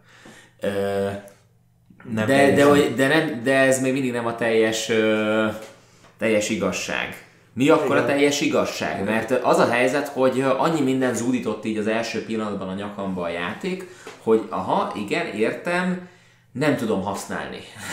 Egyébként ebben ugye a, a Háromba vezették be egyébként először a négy harc stílust. Ugye azon gondolkozom, hogy viszont a háromba vezették be először a stílusmérőt, vagy az a korábbi részekben az is a korábbi volt része, Az a korábbi részekben is. volt. Az elsőtől volt, igen, csak ott valahogy hogy másképp emlékszem rá. A háromnál tűnt nekem először úgy, hogy igazán aktív része lett a játéknak, ugye igen, a stílusmérő. Ott már, ott már úgy integrálták bele, hogy már a stílusmérőtől függ az, hogy mennyi valutát kapsz. Tehát mennyi igen, meg ugye a stílusmérőtől függött az is, hogy ugye bekerült a játék játékba egy külön gomb arra, hogy ellenfelek hergelése gomb, és ugye ez volt az, ami viszont a stílusmérő alapján volt maga a mozdulat, amit ennek a gombnak a megnyomására csinált a karakter.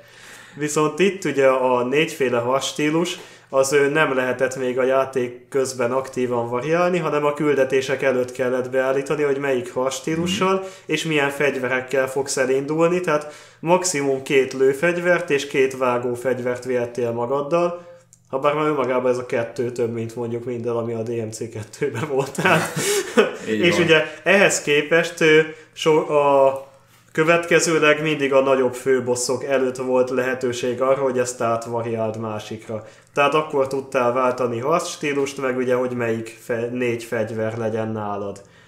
És ugye a későbbi játékokban jött be az, hogy ez gyakorlatilag teljesen szabadon bármikor átalakíthattad ezt a kiosztást játékmenetben ez milyen változásokat hozott? Ez most mind a kettőtöktől kérdezem, tehát Színász és Péter. Uh, hát játékmenetben gyakorlatilag azt a változást hozta, hogy lett plusz egy gomb, ami csak arra való, hogy az adott stílusnak a mozdulatait végrehajts.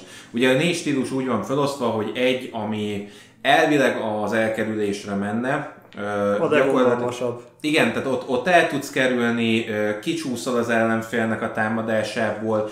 A végén már, amikor elég magas szintre fejleszted, a feje fölé teleportálsz, a lába elé, stb. stb. Tehát ott lehetett ilyeneket variálni. A második, az viszont kifejezetten arra ment rá, hogy a vágófegyvereidet hogy használod.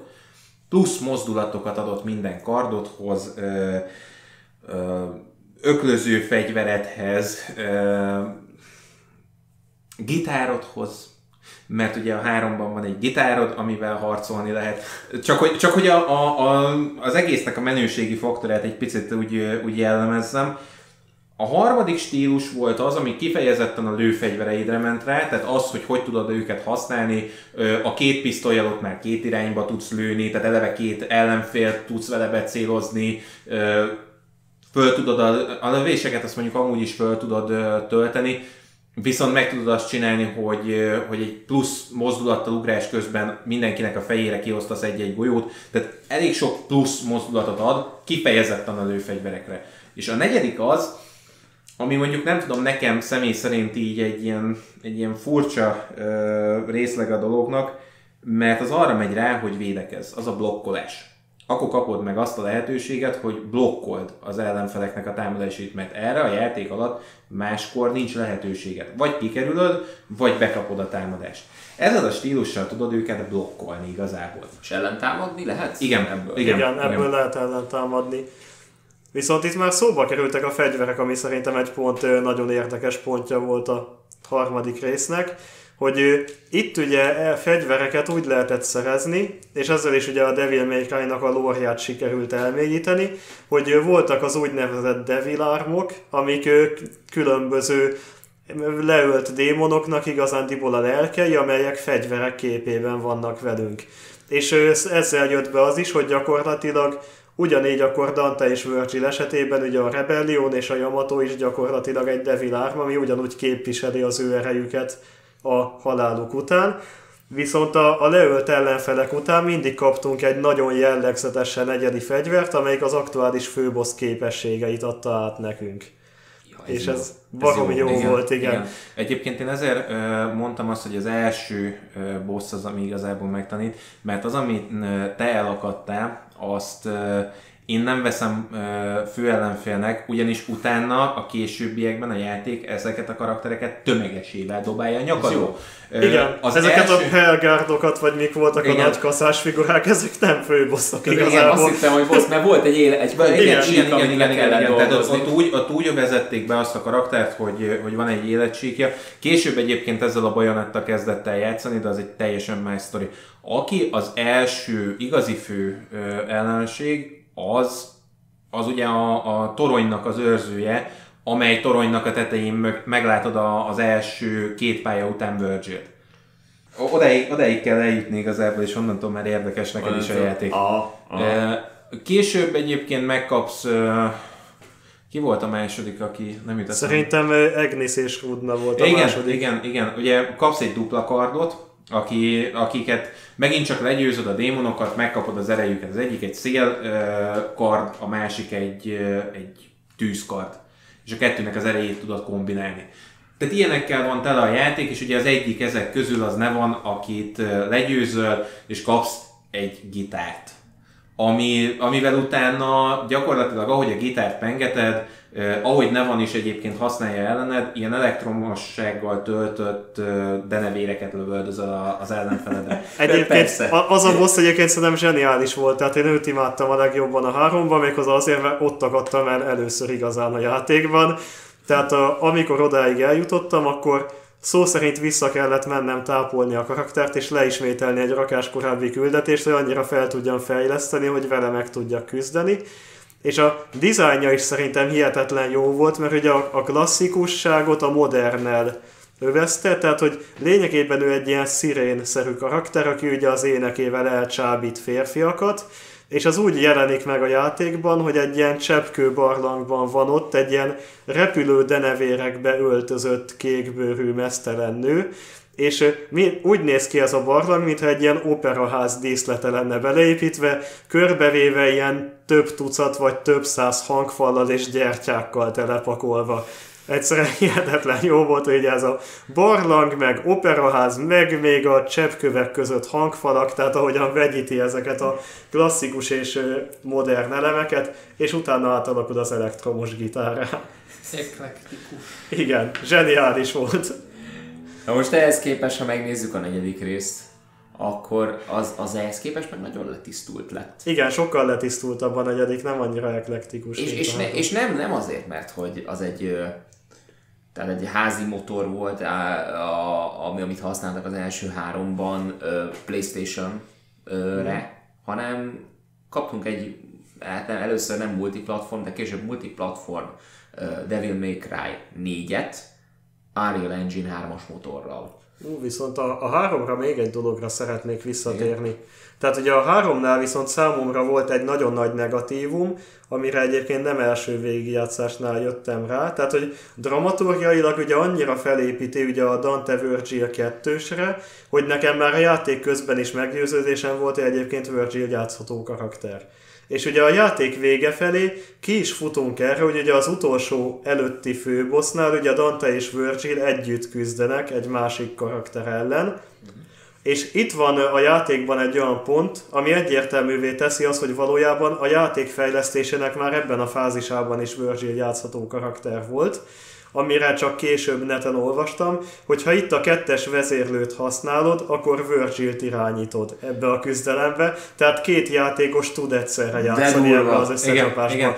Viszont ami a durva, hogy a DMC3-ba Virgil nem megszerezhető karakter, hanem egy év múlva kiadott a Capcom egy DMC3 Special edition aminek az volt a nagy durranása, hogy Virgil is játszható karakter benne.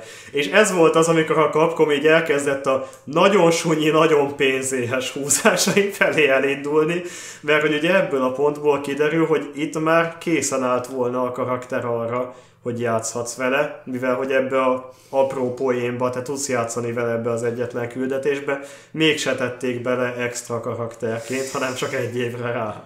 Mocsok, nagypofájú, amerikaiak, tessék japán DLC. Igen, és akkor még ugye nem is volt igazán DLC rendszer, nem. hanem egy újrakiadása volt a játéknak egy évvel később.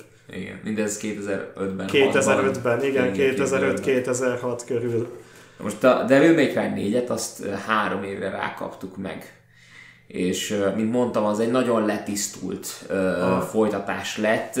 Témájában is messze nem annyira ebbe az okkult, nagyon sötét, orgonával kísért, horroros irányba vitték el a dolgot, hanem azt mondták, hogy rendben, ez a letisztultság, ez a patina, ami rajta van ezen a játékon, ami ez a sajátja, ez már teret enged nekünk olyan dolgok kitárgyalására, mint például az, hogy különböző vallások hogyan, hát mondhatni idegen szóval, konvertálják át, illetve hogyan használják ki az emberek hitét arra, hogy, hogy, hogy hatalomhoz jussanak. Ez a negyedik rész témájának egy nagyon sarkalatos pontja, illetve az, hogy a lázadó szellem, ami Néróban van, az miért fontos a, ahhoz, hogy ezt a, ezt a dogmatikus vallásosságot, ezt, foly, ezt folyton kikezdje, és kikezdje, és folyton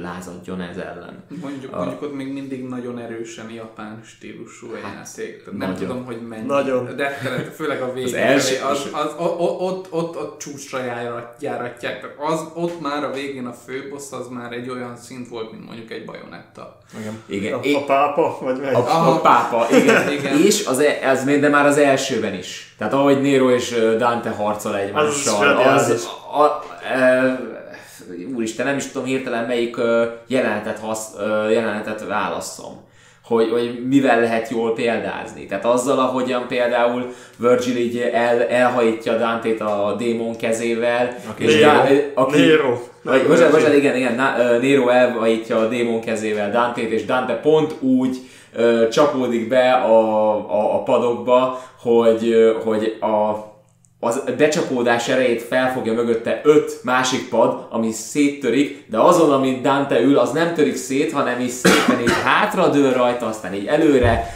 és, és így rátámaszkodik a kardjára, és aztán elkezd Néróhoz beszélni, és így, így, így, így dobom el az agyam, hogy Úristen! Tehát egy, egyrészt Dante nagyon hiányoztál, másrészt nem Dante-t irányítjuk a, Igen. A, a, az játék első felében, hanem.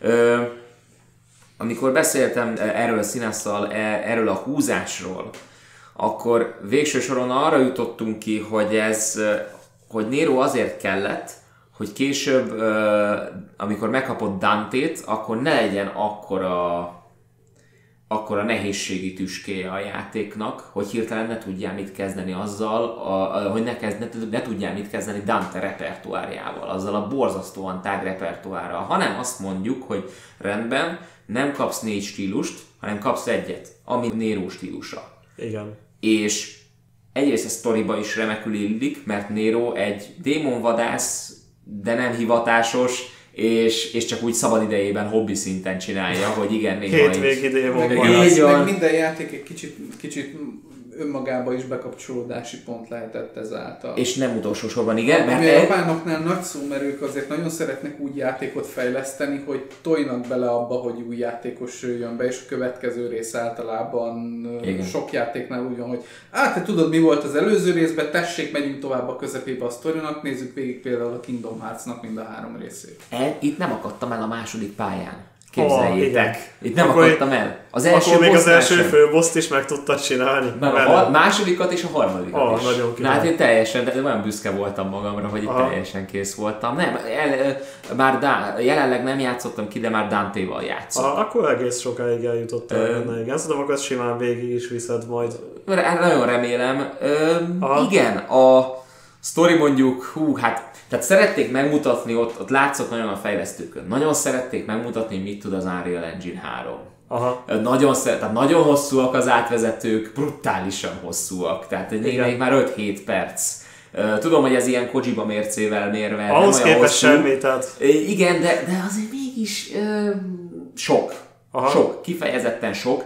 Ö, ez, amit éreztem rajta. Ugyanakkor Néróval játszani, igen, nagyon jó bevezető. Ö, a, és, és ötletes karakter, tehát maga a démoni keze, amivel uh, jobbra-balra tudod uh, haigálni a démonokat, uh, tehát ilyen kifejezetten emberfeletti képességei lesznek tőle. Mm. Ide tudod uh, uh, hozni, ilyen szellemkezet tudsz vele, vele így uh, csinálni magadnak, odahozod magadhoz, vagy eltaszítod magadtól, vagy azt mondod, hogy fel tudod uh, dobni a levegőbe, meg jobbra-balra. E, ezek is nagyon jó. Illetve hát ott van a, a benzinmotoros kardja, ami igen. Ami először nem értettem, Színász magyarázta el nekem, hogy te, én megkérdeztem, hogy hogyan, hogyan működik, vele? mert amúgy megmutatja a játék, hogy hogyan működik, de a vizuális narratívából nekem nem jött le az, hogy azt úgy kell kezelni ezt a kardot, mint hogyha mondjuk egy motort felpörgetnél. Mint egy, Viszont mint egy... baromi vicces, amikor Dante kiparodizálja a mozdulatot. Igen. Az egyik jelenetben, mikor ő is bűrög és elkezdi a kardját pörgetni a földön, igen. És ott érződik, hogy rendben, az írók még mindig értik Dante-t. Tehát ö, nagyon jó, mert ahogy veszük, egyik lázadó kiparodizálja a másik lázadót, egyik nemzedék kiparodizálja a másik nemzedéket, hogy rendben értem, hogy itt most nagyon elő akarod adni magad, de ezzel még, fiam, ezzel még várjál egy kicsit. Tehát még először gyakoroljál egy kicsit, aztán majd pár év múlva újra beszélhetünk. Viszont ami nekem így érdekes volt még a két karakter között, így rögtön a nyitó videóban, hogy ugye az is ugye két külön nemzedék, hogy a, tehát Nero szerintem sokkal inkább eszközként tekint a fegyvereire, tehát hogy ugye megjelenik Dante, és ugye ezek a nevesített kardok, meg Devil Arm, meg stb. És akkor ott van Nero, ő helyből összetör egy kardot az első jelenetben, és utána hoznak neki egy másikat. És ez neki így ennyi volt körülbelül. Igen, ez, ez egy, ma, ezt észre sem vettem, de igen, ez már reflektál arra, hogy amíg mondjuk egy ilyen 80-as évekből szakadt ilyen ilyen, ilyen bőrruhás démonvadász, aki így heavy metalra zúzza végig, vagy akár a 90-es évek elejéről is, az így annak nagyon így annyira bele van investálódva ezekbe a dolgokba, hogy hát nála a kard az, az Rebellion.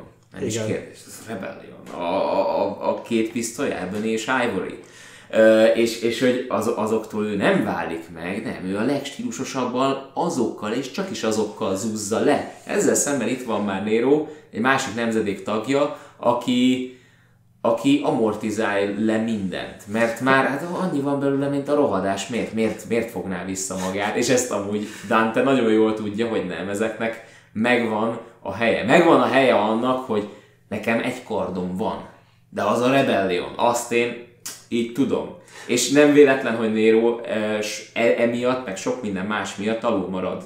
Főleg az eszköztárának a hiányosságaiból fakadóan. Igen, az egyébként nagyon jellemző, hogy nekem az hiányzott nagyon igazán, hogy maga a karakternek a, a felütése az baromi jó volt. Nagyon jó volt az új képesség, viszont hogy ő gyakorlatilag a saját története teljes hossza alatt nem kap új képességeket, ez iszonyúan hiányzó volt. Jó, e- egyetlen egyet, ami egy, egy nagyon jelentős képesség, ami bejön a játék harmadánál, de a többi főbossnál így egészen ki van szúrva a szemünk ilyen apróságokkal, hogy mondjuk nem tudom, hogy hogyan is hívták már a jégbékát, de így utána talán valami olyasmit hoznak be új képességnek, hogy ha valami titkos hely közelébe mész, rezeg a vezérlő. Tehát, hogy ezek mm. így kell, így kiszúrják a szemed ilyen apróságokkal, vagy a másik után, hogy akkor amikor krédóval elbánunk, és utána kapunk egy, a pajzsa után egy ahhoz hasonló képességet, hogy élő pajzsként magad elé tudsz tartani egy karaktert, ugye a Devil Bringerrel, hogy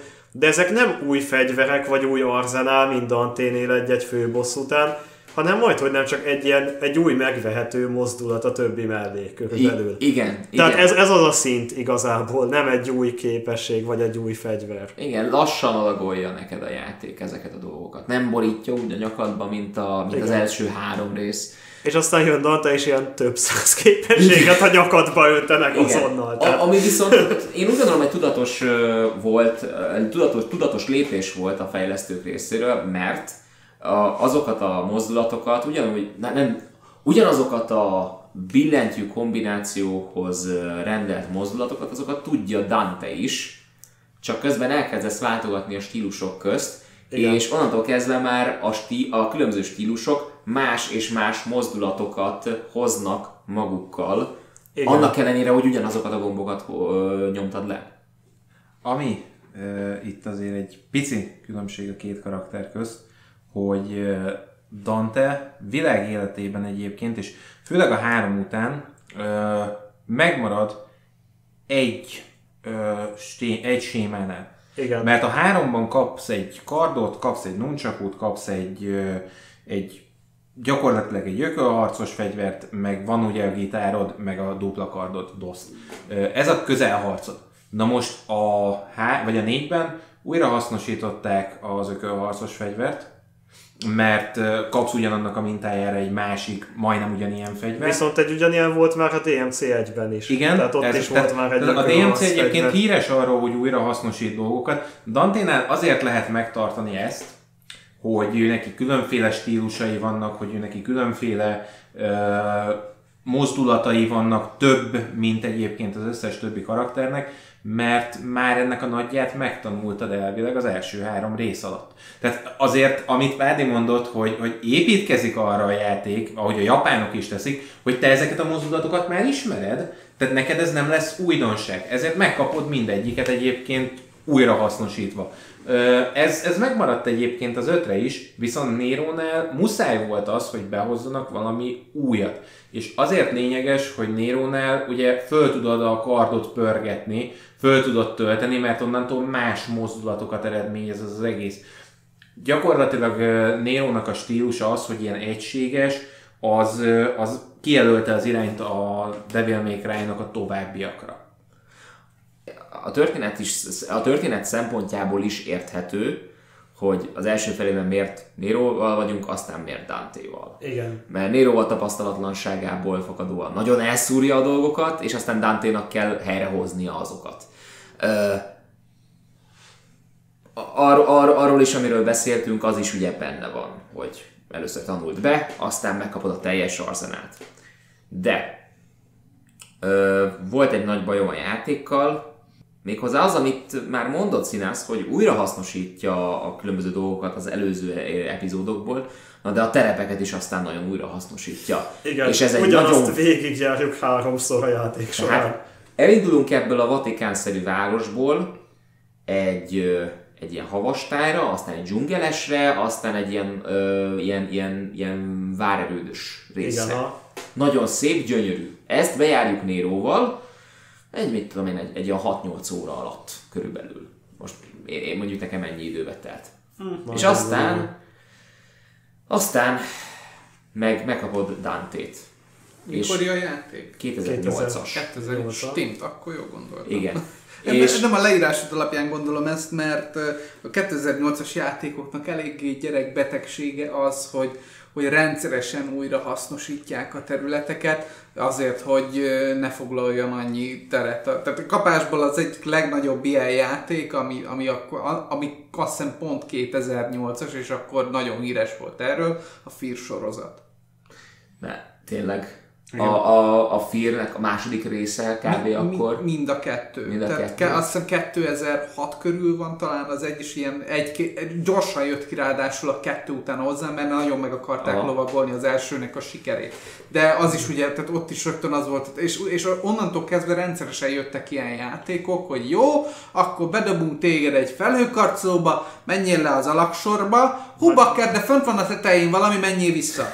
Aztán meg, tehát erről szólt a FIR egy vagy a kettő, mert nem tudom meg, hogy menjél le, a izére, bakker nem tudunk kimenni csak a tetején. Menjünk vissza! Ú, de nem tudunk ott kimenni, menjünk le! No. És a, a, játék fele arról szól, hogy ugyanazon a szinten mászkálsz föl-le, föl-le, föl-le, mert nem, és, hogy kisebb legyen a játék a helye, amit fognak. Képzeld el, és itt meg az van, hogy Néróval bejárod ezt az utat, jó, akkor Dante-val jó, vannak ilyen új jelenségek, amiket le kell küzdened, meg új jelenfelek, de ugyanaz az utat Nagy vissza. ugyanaz, igen. Uh-huh. És így, ho, srácok, mi, mi történt? Ki, ki fogytunk az ötletekből, vagy, vagy, vagy mit, mit, mert itt annyira kreatív a játék, ahogyan kezeli, kezel mindent, a, az ellenfelek belépőjét, az ellenfeleket, a mozdulatokat, a, kellett, és, mert ugye a végére igen. már olyan szinten megalomán az egész játék, hogy ami energiaforrás valószínűleg föl kell használnia, azt azon spórolták meg, hogy jó, nem tehetünk bele még több pályaelemet, hanem akkor újra hasznosítjuk azokat, amit már tud a motor és benne van. Igen, most jelenleg itt tartok, és, Igen. Be, és nem sok kedvem van folytatni emiatt. Pedig Dante-val rohadt élvezetes játszani, tehát ez tartja az emberben a lelket. Na, csak... És teljesen jól látod, én is, azért, én is azért akarom, mert hogy végre Dante-val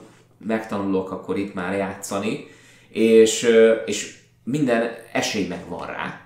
Csak úgy vagyok vele, hogy nagyon nincsen kedvem végigmenni ugye ezeken a pályákon. Annyira nem voltak jók ezek a pályák. A... Minden, minden Devil May Cry-nak egyébként megvan az a betegsége, és én állítom, hogy egyébként nagyon sok játéknak megvan az a betegsége, de főleg a japán játékoknak, hogy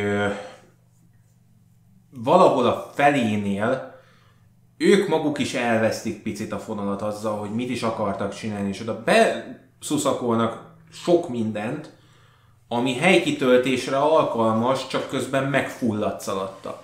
És sajnos ez, hogy itt Dantéval járt végig ugyanezt az utat csak visszafele, ez, ez picit ilyenné teszi itt a közepét. Ez a darálós játékmenet, ez a grindolós, ez ami a, a japánokra jön. ez alapból is, alapból is jellemző. Nemrég beszélgettünk Petivel egy is, pár ismerősünkkel, és ők mesélték nekünk, hogy hogy a azt hiszem a Berserket olvasták.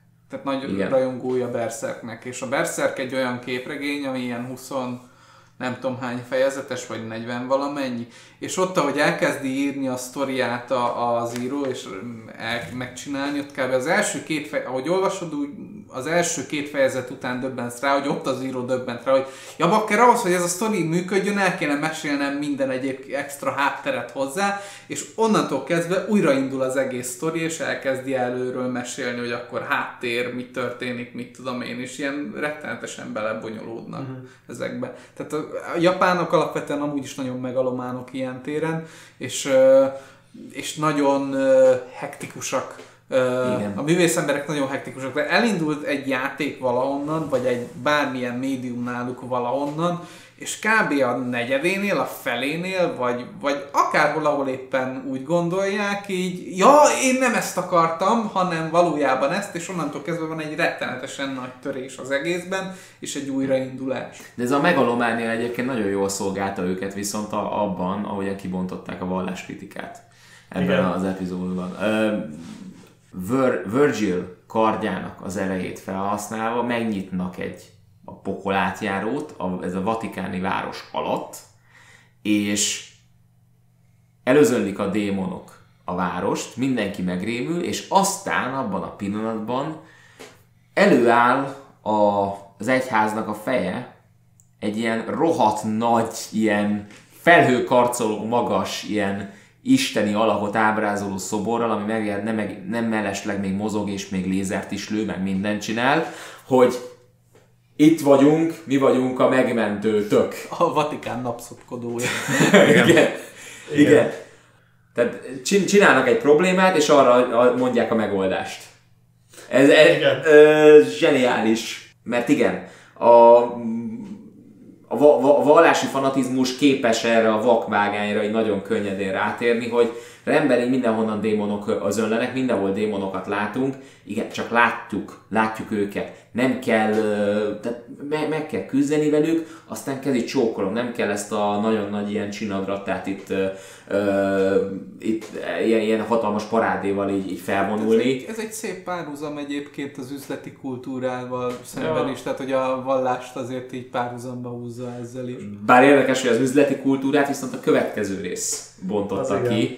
Hogy, hogy a, azzal hogyan áll, uh, hogyan áll kapcsolatban a, ez az egész démoni kultusz.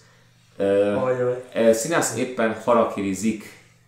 Nem szerette ezek szerint. 2010, 2013-ban jött ki a DMC Devil May Cry, ami egy teljes egy, reboot. Egy nagyon picit hozzátennék ehhez. Igen. Tehát ugye ez a 2008-as időszak volt a japánoknál az, amikor, amikor így elkezdett nagyon tetőzni a japán játékkultúra. És utána volt egy nagyon erős mély zuhanásuk, nem nagyon jöttek olyan túl sok, túl jó japán fejlesztésű játék, és az a 2008-2015 közötti időszak volt nagyjából és akkoriban jött ki a DMC, és akkoriban kezdtek el a japánok abba gondolkozni, hogy bakker, ahhoz, hogy talpra álljunk, meg kell hódítanunk rendesen. Tehát nem a japán játékosainknak kell kedveznünk, hanem el kell kezdenünk nyugati játékokat csinálni. És ezt nagyon nem tudták. Ö, és ráadásul nem is, tehát alapvetően nem ők csinálták viszont a DMC nagyon jó alapot szolgáltatott később, hogy amikor már ők csinálták, a japánok csinálták a Devil May Cry 5 De egyébként az DMC is japán játék. Teljesen. A DMC, hát a Capcom adtak ide, nem japánok A Ninja Theory is japán fejlesztő szerintem. A Ninja Theory nem. Nem, nem. biztos vagyok benne, hogy nem. Nem, nem japánokból áll. A, szerintem kanadai, mert az összes fejlesztő kanadai valamiért. Ah, de, de nem, Most de, mindjárt rágooglizok. Igen, nyugodtan googlizzál rá A, a Ninja Theory-t én, én imádom, tehát hogyha kell mondanom egy fejlesztő brigádot, akik a kedvenceim, igen, a Ninja Theory ott van az Obsidian Entertainment Egyébként az, a, annak ellenére, hogy ezt elmondtam, én nekem például tetszik a DMC. És én, is, és én, is imádom a, én is imádom a 2013-as DMC-t. A két, az, arra azért volt szükség, mert egyrészt, amit te mondtál, másrészt a... Angolok, Cambridge Egyesült no. Királyság.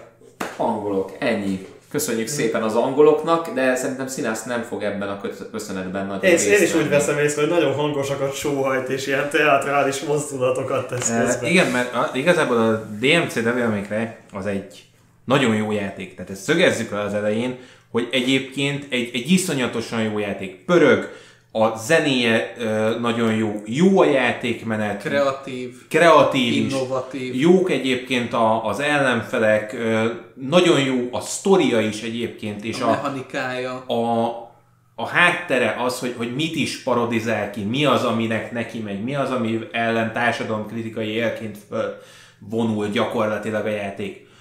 Ami a probléma vele, hogy erre megpróbálták ráhúzni a Devil May Cry-nak a, a nevét és a logóját. Tehát igazából itt semmi másról nem szól a, a, a DMC Devil May Cry-nak a bukása, csak arról, hogy ahelyett, hogy megpróbálták volna ezt egy önálló játékként felfuttatni, csináltak belőle egy rebootot, ami fölösleges mert egy olyan szériáról beszélünk, ami nem halt meg. Ne, Egyébként igen, tehát a négy egy minden szempontból sikeres cím volt, tehát nem igényelte volna a rebootot, és ahogyan egyébként majd az ötbe fogja bizonyítani most, azok az elemek, amiket mind rá akartak húzni ugye a, a DMC-re, azok valójában működtek volna reboot nélkül is. Tehát ez a tipikus, ami, ami nem romlott el, azt nem kell Igen, tehát hogy esetben. valójában új játékmenetet, vagy egy akár egy erőteljesebb dizájnváltást, ugye egy földhöz ragadtabb, realisztikusabb stílust, ugye a nagyon japán karakterdizájnok helyett,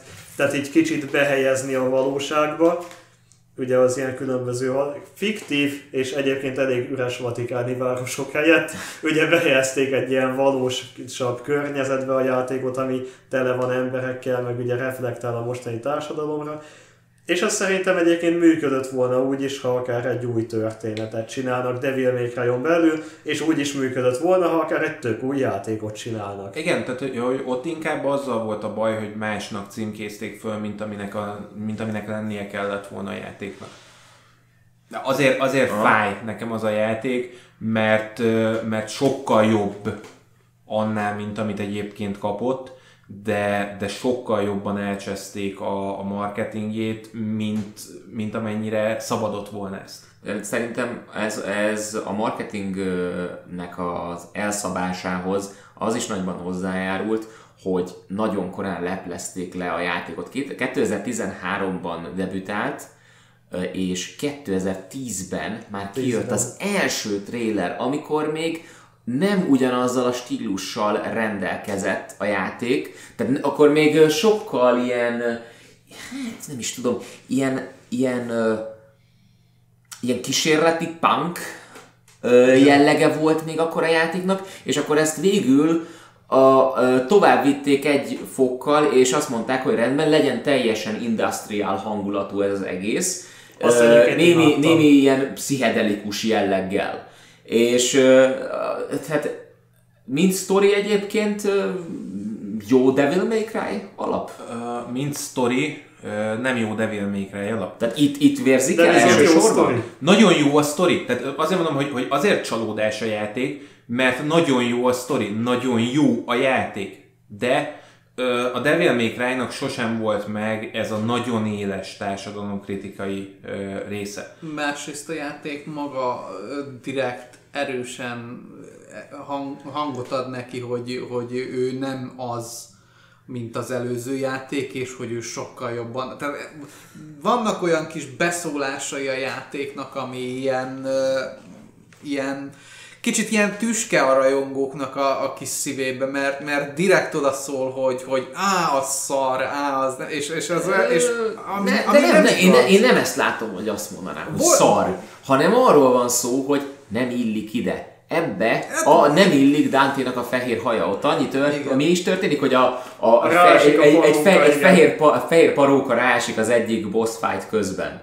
És azt mondja erre Dante, hogy hogy áh, ilyet soha. Ez, ez, ez teljesen vállalhatatlan, és így le, leszedi magáról a, a parókát, és én ne, nem azt láttam. Én, én csupán azt láttam, hogy, hogy egy kicsit az embereket így, így, így tolják a felé, hogy srácok, engedjétek el azt. Jó? Reboot van. Reboot. Ugyan, ugyan, ugyanezt éreztem a, és ugyanemi valami hasonló miatt bukott a 2008-as Prince of Persia. Hmm. Mert mindenki még el volt foglalva három évvel ezelőtti Sense of Time trilógiával. Mindenki. És Aha. aztán jött ez a másik, és hát ez nem olyan jó, mi, nem olyan jó a harcrendszer, mint ott, nem olyan. De semmi baj nem volt a harcrendszerrel, semmi baj, baj nem volt a történettel, semmi baj nem volt a vizualitásával, minden, minden pöpec volt, nagyon állat volt. Csak és nem jött el az ideje. És nem jött el. Ö, hibás döntés volt a kezdetektől, hogy ilyen hamar ö, csináljanak egy Devil May Cry rebootot. És még Igen. az is rászolgált, amit mondtatok, hogy nem volt rá úgy annyira szükség sem. Hát igen, gyakorlatilag az, az a széria akkor lényegében a csúcson volt még az előző részen igen. igazából. Igen, és amit viszont túlzásnak tartok, az a rajongóknak a reakciója. Az, az nagyon el volt túlozva. Az nagyon. Tehát az, igen, az tehát nagyon... már utálták a karaktert egyetlen kép alapján Igen. Igazá, igazából a, tehát azért mondom, hogy, hogy azért csalódás, mert sokkal több lehetett volna ez a játék, ha nem Devil May Cry-ként adják ki, hanem egy önálló címként felfuttatják, akkor megért volna egyébként egy, nagyon sok, egy nagyon sok potenciál van abban Igen. a játékban, és az magában, nekem laikusként magából látszott, hogy ezzel tök szívesen játszani, pedig én alapból nem vagyok egy ilyen uh-huh. japán játék rajongó egyébként. I- igen, igen, és tehát e, nekem, nekem meg azért szívfájdalmam, mert én meg, meg imádtam. Ez az első, ez volt az első Devil May Cry, amit, amit így tiszta szívből, tényleg fenntartások nélkül tudtam szeretni, a stílus ugyanúgy ott volt, de nem nyomta el annyira a történetet, mint a többiben. Ö, és mivel, hát talán azért, mert mi nyugati világban élünk, és ugye ebben vele tartozok én is, sokkal az könnyebb azonosulni az egész. Má, sokkal... Más nagyon a stílusa Nagy, is. Tehát a, a, a, hagyományos játékoknak a, a stílusához képest egy hatalmas váltás volt hangulatban, meg narratívában is, meg egyébként történetmesélésben. Ezt egy kicsit adjuk már össze az egésznek az alapfelvetését egy pillanatra.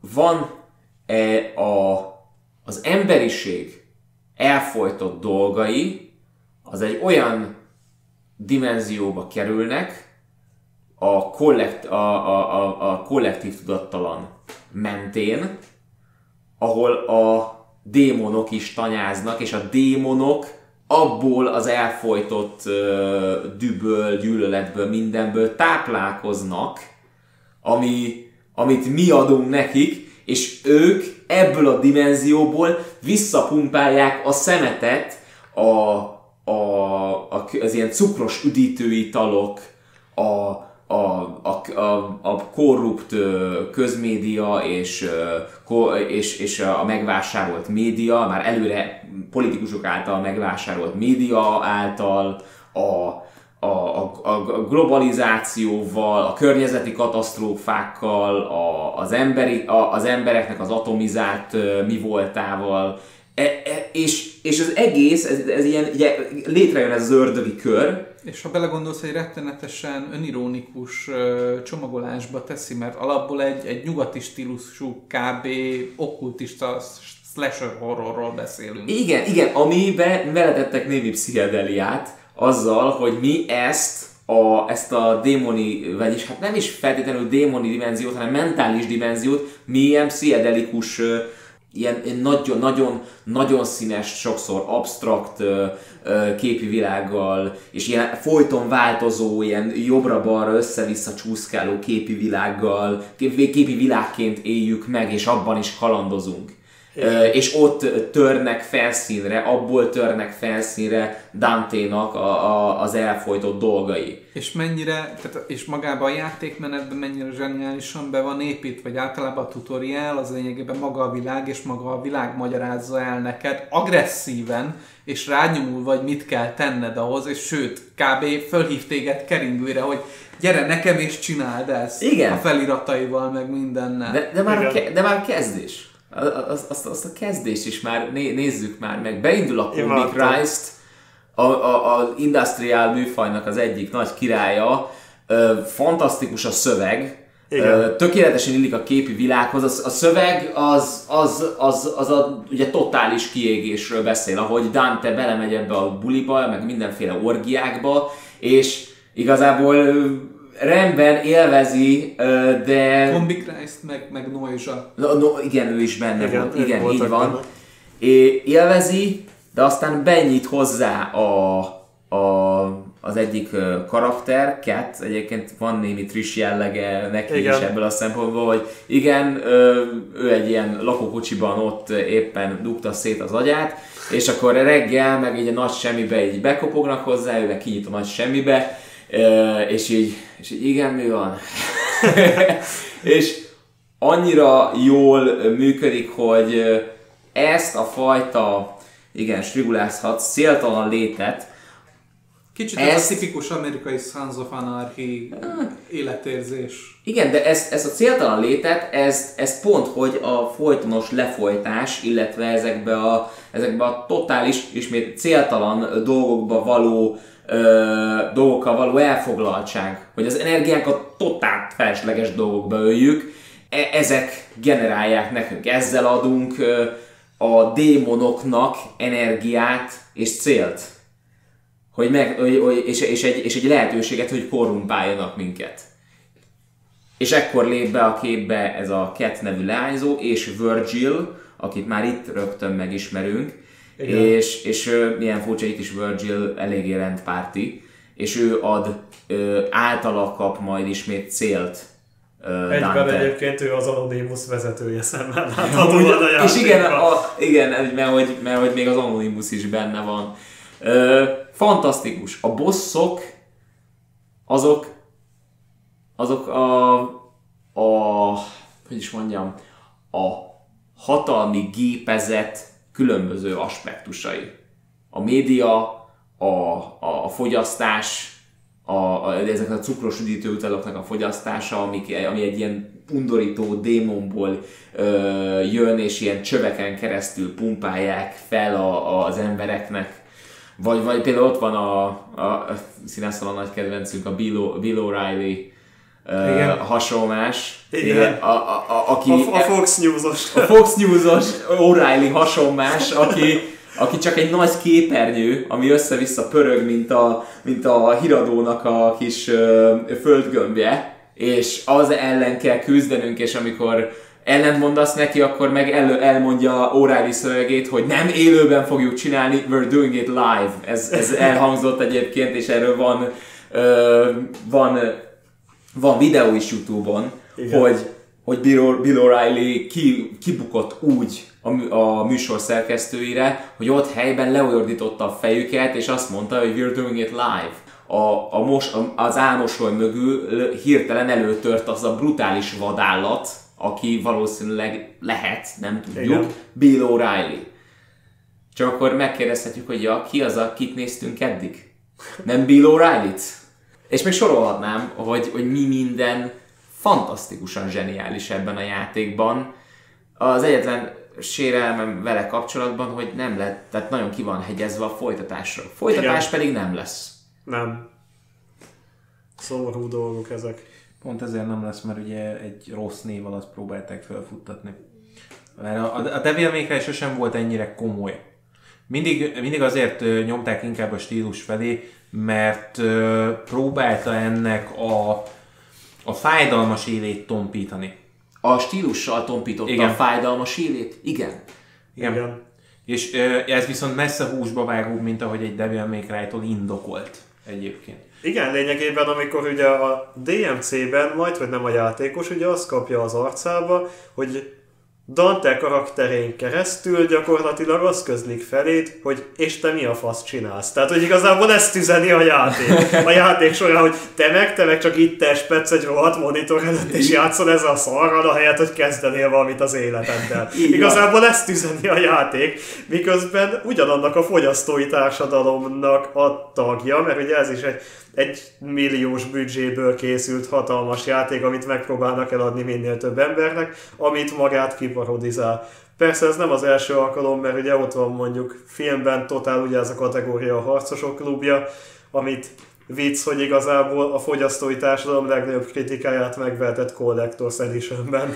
Tehát gyakorlatilag, igen. Amúgy elképesztő, hogy felhoztad a harcosok klubját, mert itt a jegyzetemben van egy harcosok klubja referencia Tyler Durden ö, személyében, hogy a, az, edd, az eddigi Dantehez úgy viszonyultunk, mint amikor azt hitte a Harcosok klubjában Edward Norton karaktere, hogy Tyler Durden ő tudja nagyon jól. Igen. Ő, ő nagyon jól benne van. Na, a, a Devil May Cry az mind a kettőt már egybe hozza Dante. Tehát Dante ö, karaktere már a kezdetektől fogva az árnyat, a Jungi árny, árnyat, ami gyakorlatilag Tyler Durden, a, a, a, a, a, a, a harcosok klubjában, azt már ő már integrálja magába, már rögtön a kezdetektől fogva. Nem.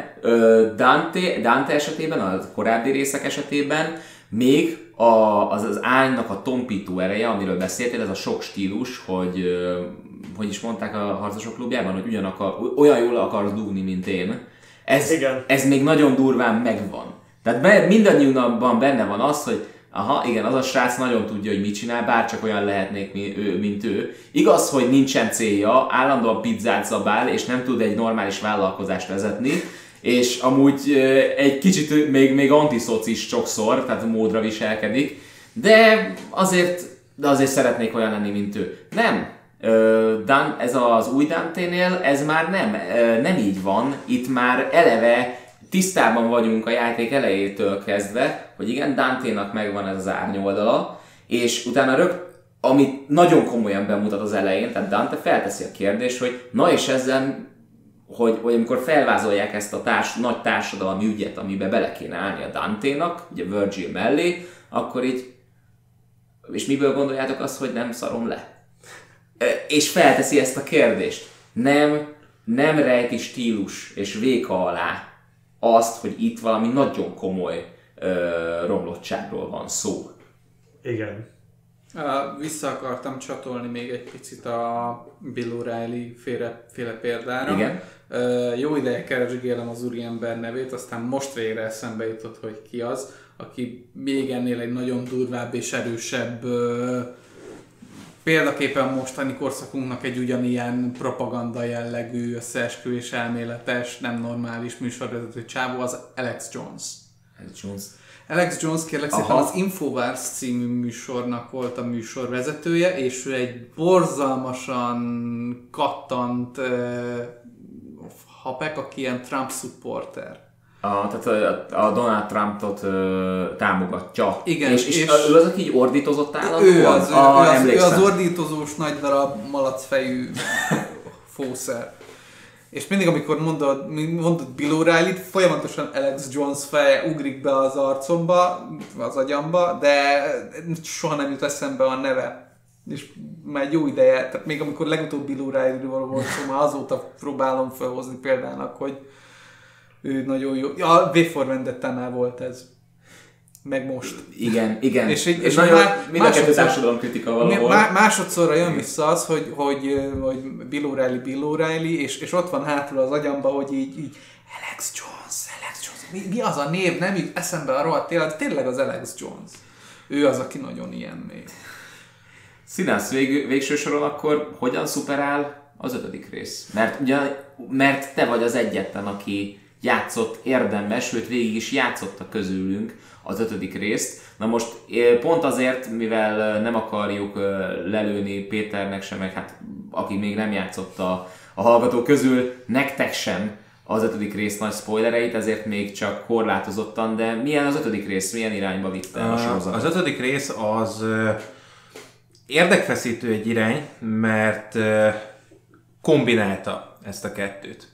Tehát összehozta a régi DMC-knek, a régi Devil May Cry-oknak a stílusát, a, az erősen társadalomkritikai uh, él nélkül behozta a jó dolgokat a DMC-ből, a rebootból. Uh, megvan neki már egy, egy nagyon komolyan felépített szimbólumrendszere, végre csinál egy, ezt, ez nem spoiler, mert ezt beharangozták a, a Capcomnál, hogy végre csinál egy, egy lezárást Dante sztoriának, mert ugye a Capcom is bejelentette, hogy, hogy ezek után nem lesz olyan játék, ami kifejezetten komolyan Dantéval foglalkozik.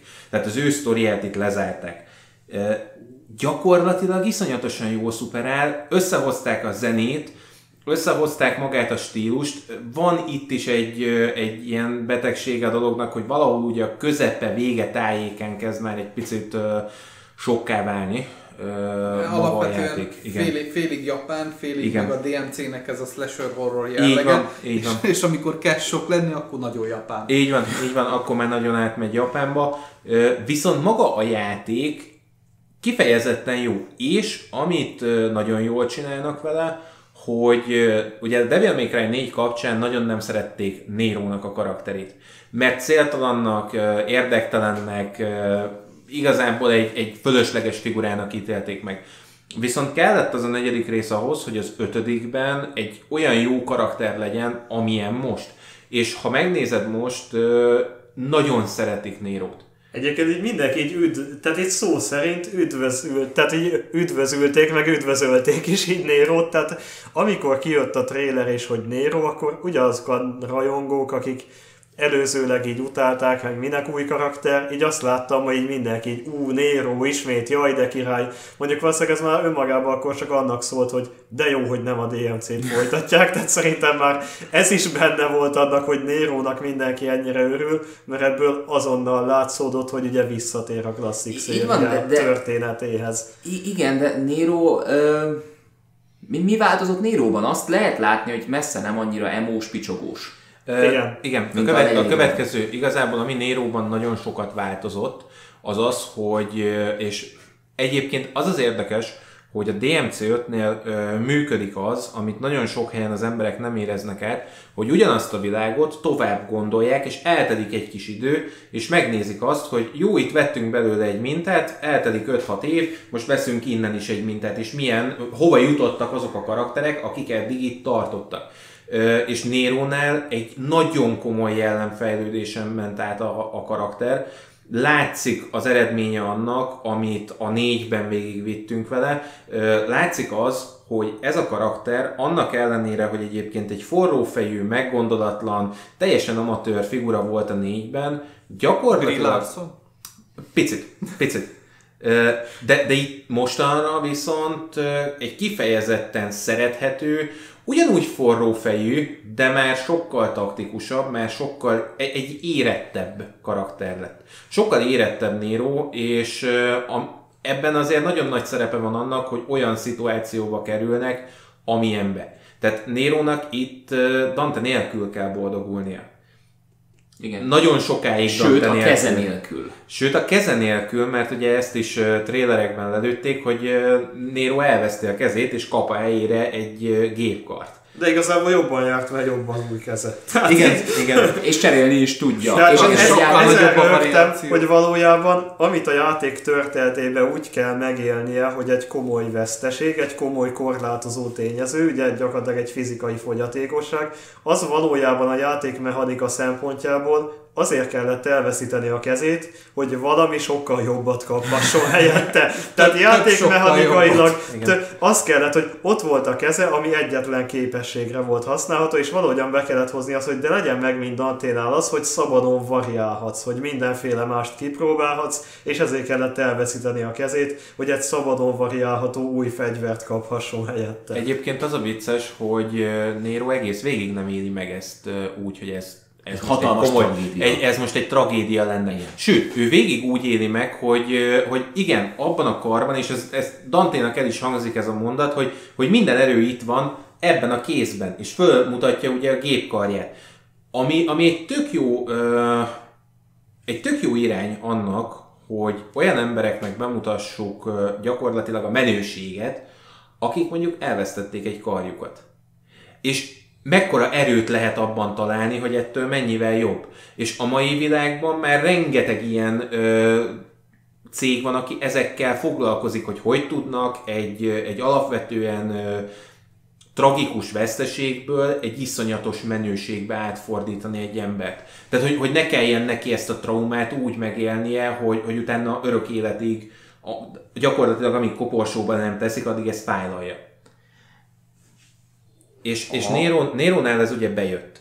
Uh, Já, játékmenetre kiterjed ez az igen. egész, hogyan szuperál? Mert most már Nérónak is itt több, több stílusa van? Uh, Nérónak, Nérónak nem feltétlenül több stílusa van. Úgy néz ki, hogy ugye a karjait lehet cserélgetni. És ugye ez az, amit mondtál, hogy meg, meg Peti is mondott, hogy a, tehát Nero úgy viszonyul a saját fegyvereihez, hogy azok eszközök. És ugyanezt megcsinálja ezekkel a gépkarokkal, mert már a, az első pár átvezető közül az egyikben gyakorlatilag összetöri a gépkarját, amivel, amivel harcol. És ebből áll a játék, hogy hogy ruházott föl a figurádat, ugye össze tudsz törni karokat úgy, hogy védekezel vele, és akkor összetöri az ellenfél. Össze tudod úgy is törni, hogy te azt mondod, hogy hát erre most nincs szükségem, és eldobod, és fölveszel egy újat. Ö, gyakorlatilag ugye ezt, ö, vagy ez az, ami a, a stílusváltás helyett jött be, ami Danténél van stílusváltás, mm. az itt ez, hogy a karoknak van mindig más-más képessége. De ezt nagyon össze kell kombinálni úgy, hogy ö, gyakorlatban megmaradjon ö, a a hozzád igazított stílusa. Tehát nem feltétlenül az van, mint Danténál, hogy bármikor váltolgathatsz bárhova, hanem taktikusan ki kell választanod azt, hogy mi az, ami neked kelleni fog. És mi az, ami hozzád illik. Tehát uh, Nérónál inkább azt hozták be, hogy, hogy ezeket a stílusokat saját magadra szabhast, és ne a, a játékhoz kelljen feltétlenül igazodnod. Dantéval milyen a harc? Az maradt ugyanaz? Dantéval, Dantéval maradt ugyanaz. Okay. Uh, gyakorlatban Dante az, aki, aki az egyetlen állandó pontja a, a játéknak. Ő a Devil May Cry egy óta ugyanazt hozza, ő most is el, lehozza ugyanezt, és... Van, bocsánat, plusz egy motor. Plusz egy motor, de hát ugye a Devil May Cry-oknak Dante részéről mindig is megvolt az, hogy van neki egy különleges fegyvere. Itt de azért, most... hogy térjünk már ki arra, hogy ez hogy milyen motor. különleges fegyver. Egy motor, mint fegyver. És nem az, hogy tehát ez, ezerképpen lehetett volna, hogy mondjuk, mondjuk tüskék vannak a motor szélén, és akkor minden, és mondjuk a Ben Hurban így megy jobbra-balra, és mindenkinek vágja le a... Tehát most a Gladiátorban volt az, ne arra, igen. De Ben Hurban is volt. Ben Hurban is nem volt? Igen, a, igen, abban is. Sőt, sőt, a Nagy Sándorban, a Nagy Sándor volt a másik, a harmadik, amire gondoltam. Nem, nem, itt szétszedjük a motort, az egyik ilyen középső ilyen csövénél, az a markolat, és elkezdünk a motorral démonokat írtani, mint kétkezes, mármint hogy dupla, egy-egy kézbe, egy-egy fegyver. Itt két Gyakor- körfű gyakorlatilag igen, két körfű résszel harcolsz, ami, ami messze sokat dob hozzá a játékhoz, de, né, de Dante-nak nem csak ez az egy ikonikus fegyvere van, tehát hogyha azt hiszed, a Devil May Cry 3-ban ott volt a, a gitár, a négyben megkaptuk ugye uh, Lucifert, amiből össze-vissza lehetett dobálni ilyen vörös tüskéket, amit ha akartál, fölrobbantottál egy csettintéssel. A rózsa, annyira A rózsa, igen. uh, és most megkaptuk a motort, viszont megkaptuk a kalapot, mert Danténak van egy kalapja, ami egyébként lőfegyverként funkcionál. A kal- hogyan? Kalap úgy néz ki, hogy ugye a, a játékban összegyűjthető valuta az a vörös gömb. Igen. Ezeket tudod rálőni az ellenfélre, viszont ha eldobod a kalapot, és az ö, eltalál egy pár ellenfelet, utána visszatér bumeránként Dantehoz, Dante fölveszi a fejére, és onnantól kezdve, hogyha ütöd ezeket az ellenfeleket, akiket eltalált a kalap, ő belőlük hullik a vörös gömb. Tehát gyakorlatilag kivették a játékból azt, hogy neked vissza kelljen, kötelezően vissza kelljen menni régebbi pályákra azért, hogy magadat fejleszd. És Mert megkapod a kalapot, és hogyha a kalapot taktikusan használod, meg tudod ezt a problémádat oldani. Beszélhetünk arról az egy jelenetről, amikor viszont Dante felveszi azt a kalap, miután megkapja a kalapot, felveszi, és mit csinál? Láttátok már ti azt? Le, beszélhetünk arról? Beszélhetünk arról. Amikor Jacko táncot nyom le Dante egy kalappal, azt, azt, az, tehát az egy olyan pont, amikor, amikor bárki, az is, aki nem szereti, vagy nem játszott egyébként a Devil May Cry, az is fog E, így van. Én még nem játszottam a korábbi epizód. A ambivalens érzés, mert egyrészt nagyon menő, másrészt a legrosszabbkor jött ki. A lehető legrosszabb pillanatban választották ki, hogy ezt a manővert berakják ebbe a de, de, egyéb, de egyéb, egyébként még egy pár nappal megelőzte a Jacobot. Igen, tehát Szerencséjük a... volt, még pont nem, tehát ha utána két nappal jön ki, az sokkal kínosabb, mint az, hogy előtte egy-két héttel. Igen, Igen mert legalább nem tudhatták, hogy ugye kijön ez a Leaving Neverland nevezetű ilyen Jacob Reinholdról szóló film. Így jött ki a Igen. lépés, minden esetre kaptunk egy, hát egy, egy annyira, most nem tudok magyar szót erre, úgyhogy az angol verziót használom, ez a, a Devil May Cry-nak a leg, leginkább feel good jellegű jelenetét, amiben olyan szintű hát nem is tudom, ön, önkifejezés és önelfogadás van, amit nem tudom, ilyet nem láttam a Devil May Cry-ban komolyan, mert nem is, e, talán nem is erről szól annyira a, a játék, de ott helyben az, az, a, az a tánc, amit ott, amit ott Dante lenyom Jackoként, az valami fant- fantasztikus. Tehát az előző részekben is valahogy ugye a három óta folyamatosan volt az, hogy ugye mindig egy új fegyver megszerzésekor van egy ilyen nagyon túl koreografált röhelyes beátcsapó jelenet a fegyverrel, amit ugye már a négyel elkezdtek a maximumra fejleszteni, azt mondom, hogy a Pandorának, a Pandorának hívták azt a fegyvert, ami gyakorlatilag egy Pandora szelencé, egy bőrönd, amivel igazából bármit elő tudsz rántani, amit akarsz, és ezzel volt egy olyan, hogy így, tehát, hogy először a ha ugyanabból, amit főboszt lenyomtunk előtte, egy ilyen több tucat megjelent, és így Dante egyre nagyobb fegyvereket ránt elő. Tehát itt volt először egy ilyen Gatling gun, tehát egy ilyen helikoptergépágyú, akkor utána három csövű rakétavető, lézerpuska, egy ilyen tüskés bumeráng, és a végén igazából nem fegyvert vesz elő, hanem így köré épül egy ilyen hatalmas lövésztorony gyakorlatilag.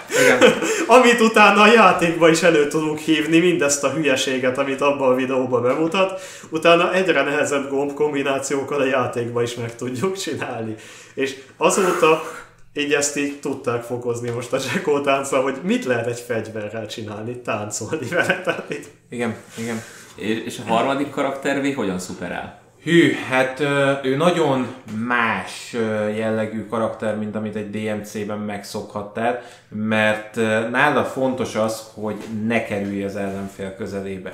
Ugyanis V az, akivel úgy tudsz harcolni, hogy ráküldöd a saját familiárisaidat a, az ellenfélre. Ugye az egyik egy közelharci párduc alakját veszi föl, a másik pedig egy, egy ilyen hát egy ilyen miniatűr griff madár gyakorlatban. És ugye ő a távolsági fegyver, és lehet, vagy van rá lehetőséget, hogy lehívj egy nagyobb darab, egy ilyen gólemszerű figurát, aki meg gyakorlatilag nem tudod használni, ha csak ki nem nyitod ezt a képességet, hogy föl tudsz ülni a hátára. Nem tudod irányítani, viszont végig darálja az egész helyet. Csak önhatalmulag ő dönti el, hogy mit csinál. És Na, V mit csinál eddig? Ez uh, alatt, bocsánat. Ugye ő, ő háttér...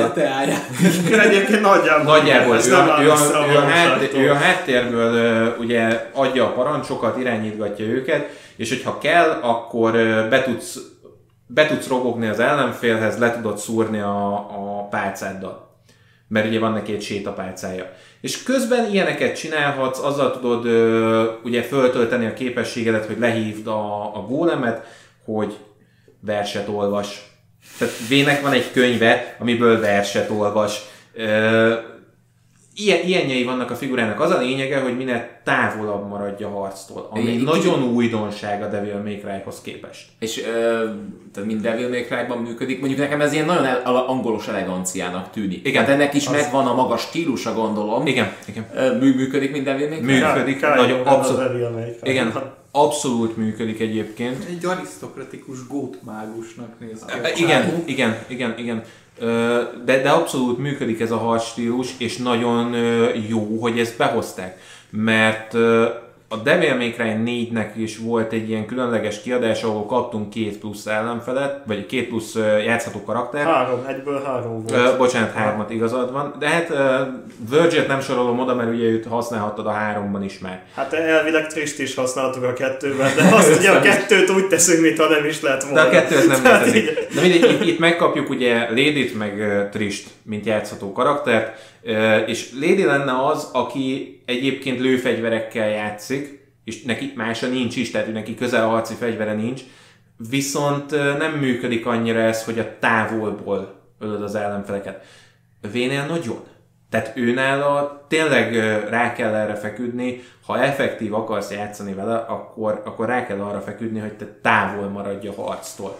Ami, ami nagyon kiránt egyébként a Devil May Cry-nak a megszokott sémájából, és egy, egy olyan jó kis, tehát egy, egy olyan üdes szín volt az egészben, hogy élvezett azzal a karakterrel játszani.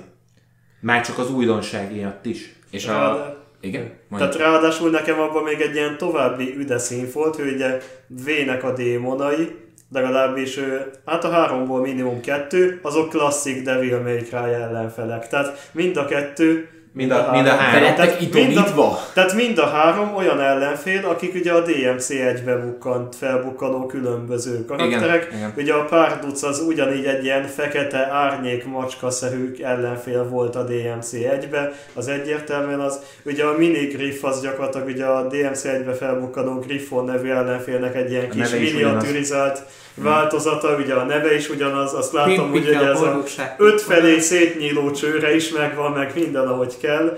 A, nem tudom, a Golem az nekem még nem tűnt fel első. Uh, neki, ő, ő, a, ő Nightmare egyébként a Devil May Cry azt hiszem ő nem egy ő a Nightmare? Igen. Akkor azt tudom, az akkor egy ilyen alakváltó fekete masszaként igen, jelent meg igen. az egybe. Itt is, itt is ilyen egyébként. Tehát V őket beidomított uh, gyakorlatilag? Egyébként ennek, és én erről ezért nem akarok beszélni, ja, mert, mert ez erőteljesen spoileres, de, akkor... de story szempontjából lényege van, hogy ők ezek. A story meg a, a story szimbolikája szempontjából iszonyatosan érdekesek. E, hogy, hogy ők miért azok, amik. A sztori kiforrott, tehát ilyen nem túl, komplik, nem túl komplikált. Iszonyatosan de, de bár volt egy beszélgetésünk cseten, hogy így megírtam Színásznak, hogy üvölteni fogsz a végén, és egy pár nap múlva visszaírt egy ilyen egysoros választ, üvöltöttem. De, de én örömömben üvöltöttem a végén, mert, mert a lezárása az, az tényleg amit a Dante vonal lezárása a, da, a, Hát a játék lezárása és ezzel a Dante vonal lezárása az, az tehát ez példaértékű. És a, a Capcom nem tudom, hogy mit csinál mostanában, de, de úgy látszik, hogy magához tért, mert ugye megcsinálta a Resident Evil 2-nek a, a remake ami iszonyatos siker lett. Hát meg amit, amit leújráztak a hetessel, azért az is egy igen, nagyon az is nagyon jó volt. Igen. volt. Igen, a, a Devil May Cry is most kihozták, a Monster Hunter World az, ami, ami megint csak iszonyatos. Tehát a, a Capcom nem tudom, hogy mit csinál, mostanában olyan játékokat hoz ki, amit a rajongók szeretnének. Micsoda megoldás. Egyébként igen. igen. igen. Most Igen. erről valahogy eszembe jutott a Konami, ami pedig így húzza le magát a WC-n egyre látványosabban, és így a rajongókat még arcul köpi kifelé igen, menet. Igen, Tehát igen, igen, igen, fuck Konami. Hát én remélem, hogy ugyanolyan jól, jól szórakoztatok ez alatt a két óra alatt, mint mi, mint én például, aki hát ezeket a japán hülyeségeket hallgatta, ezt mondom a legető legpozitívabb értelemben, tehát így a, így a Pandora szerencéja, meg a, meg a Rózsa, meg a, meg a Gyuri, meg a, meg a motor. Jézus Mária! Na, ha ezeken túltettük magunkat, akkor azért szeretném megköszönni, hogy itt voltatok, és ezután szeretne Színász mondani valamit még? Ha Peti kijátszotta a Devil May Cry 5 és uh, már eltelik, el, eltelik egy pár uh, hónap, vagy egy vagy két hónap minimum, hogy tényleg mindenkinek legyen ideje kijátszani, érdemes beszélni annak külön a sztoriáról, mert uh, ezzel se lövök le poén, mert ugye a, a, a trailerben is ezt uh, beharangozták, visszatér Virgil, aminek uh, iszonyatos hangsúlya van, és fontos lenne a, a sztoriáról emiatt beszélni. Meg nekem van személy szerint egy barátom, aki, aki nagyon szeretné ezt meghallgatni, és ő neki is beígértem, hogy majd erről fogunk beszélni, de a fő célja az az lenne, hogy, hogy ez tényleg egy fontos és a mai világra egy tanulságos sztori, amit ki kéne veséznünk. Na hát, akkor, a... akkor erre majd visszatérünk később. Térjünk vissza, meg úgy is beszéltük, hogy jó lenne még egy másik témáról majd beszélni. Igen, ezek az epizódok akkor mindenképpen jönnek. Péter, szerintem téged nem, utol, nem utoljára láttunk itt, van egy ilyen érzésem. Úgyhogy nagyon szépen köszönjük, hogy itt voltál. Én is köszönöm a lehetőséget. És jövő héten nem biztos, hogy tábortűz lesz, ez még eléggé képlékeny dolog, azért, mert, mert lesz egy kis újulás, megújulás a csatornán, egy, egy, egy eléggé komoly vérfrissítés, amire már nagyon szükség van, úgyhogy ezzel leszek én most elfoglalva, sőt, hát nem nyugodtan beszéltünk többes számban, mert Ádám és Színász kész, tehát készültségben lesz, én úgy érzem a, a csatorna megújulásával, a megújulása közben, illetve azzal kapcsolatban. Úgyhogy e, ez lesz szerintem a jövő zenéje, utána pedig ismét lesz tábortűz, úgyhogy addig is vigyázzatok magatokra, és sziasztok!